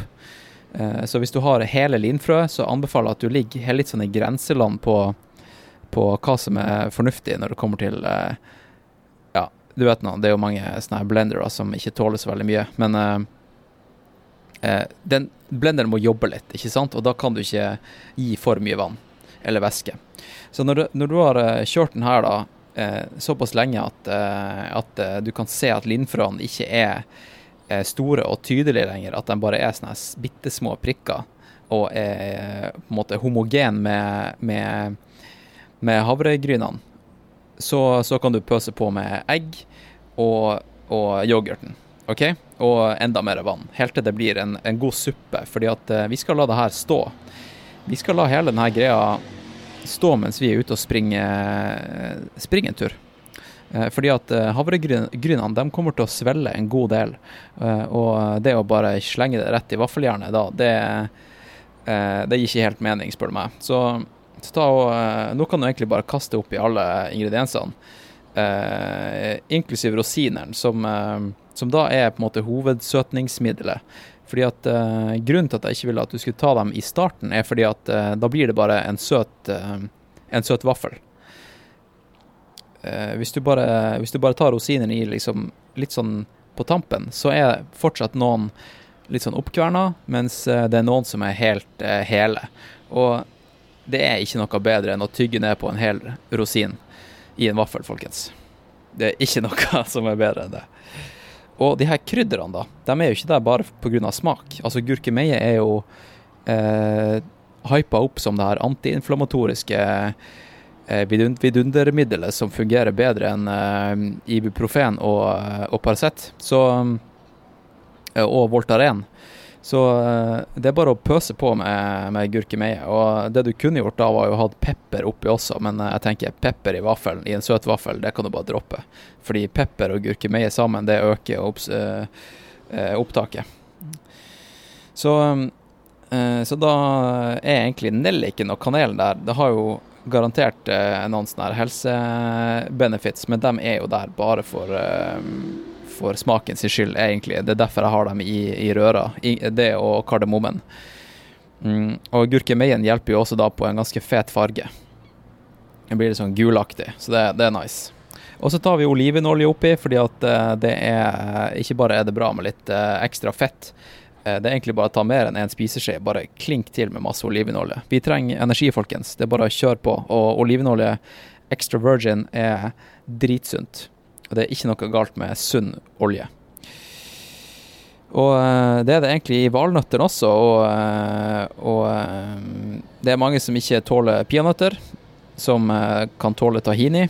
Jeg liker tahini, jeg er blitt ganske fan av det, for det er litt sånn bittert og ja, det det Sesamfrø er jo kjempesunt. Og mm, ja, salt. Vi trenger jo elektrolytter. Og eh, brunost eh, på toppen, det er jo eh, da egentlig bare for, for å få litt et hint av norsk, autentisk vaffelsmak. Og hvis du går for banan, så har du da en, en ganske perfekt kilde til kalium, som, som du da trenger etter å ha løpt en lang tur, ikke sant? Så jeg tenker da at den vaffelen her, den er jo da komplett. Ikke bare har du dekka behovet for kalorier etter at du er ferdig med en løpetur, men du har da dekt behovet for eh, proteiner, som hovedsakelig da kommer fra egget. Det er faktisk en god del proteiner i havre. Eh, hvis du velger gresk yoghurt, så får du mye inn der. Eh, det er faktisk en god del proteiner i, eh, i tahinien og valnøttene. Så, så eh, det kommer selvfølgelig an på hvor mye du har, da. Men eh, eh, du har dekt eh, proteinnivået. Du har dekket eh, eh, karbohydratnivået med havre og, eh, og f.eks. banan eh, og rosiner. Og eh, du har dekt eh, fettbehovet, da, som er en god klunk med olivenolje og en god del fra, fra yoghurten. Eh, så ja, og faktisk litt eh, i valnøttene også. Og bare godsaker, folkens. Her er det bare å, eh, å kose seg. Og når du er Ja. Altså, faen, jeg må nesten lage meg en vaffel nå. Jeg har ei røre i, eh, i kjøleskapet. Nå ble jeg sulten. OK, så det, det var min killer vaffel. Jeg vet ikke helt hva jeg skal kalle den. Kan vi kan kalle den for uh, uh, Neda Recovery Vaffel. Og så hvis du lager en sånn vaffel, ta og tagg meg på Instagram, på, uh, så skal jeg ta og dele videre. Jeg vil gjerne se deres varianter. Neda Killer Recovery Vaffel. OK, da tar vi og snakkes i episode 102. Og da, folkens, jeg har en telefonsvarer, så hvis du har lyst til å være med i utroen i neste episode, så tar du og legger igjen en beskjed på utroen, nei, på, eh, på telefonsvareren. Eh, Det er bare å gå inn på eh, naerdealvor.no slash telefonsvarer. Jeg skal legge inn en link i shownotes. Så, så får jeg en e-post med den lydfila, og så slenger jeg den inn i utroen på, på podkasten. Så hvis du eh, Det er ikke lov med noe reklame. Overhodet ikke lov med reklame. Eh, Men hvis du har lyst til å ytre noe som du eh, Jeg vet ikke, det kan være hva som helst. Det trenger ikke være noe med løping eller noe sånt. Det kan være hva som helst. Eh, og ja, det er bare å bruke den som en type luftventil, rett og slett. Men eh, det var i hvert fall alt fra meg i dag, folkens. Og så skal jeg ta og eh, sykle opp en tur eh, til um, til Langsetløkka, tenker jeg. Ta en sånn her crossfit-workout og se på folk som springer mål på, på Stirsdag Blaze Cup. I dag er det Jeg spiller inn nå på en mandag.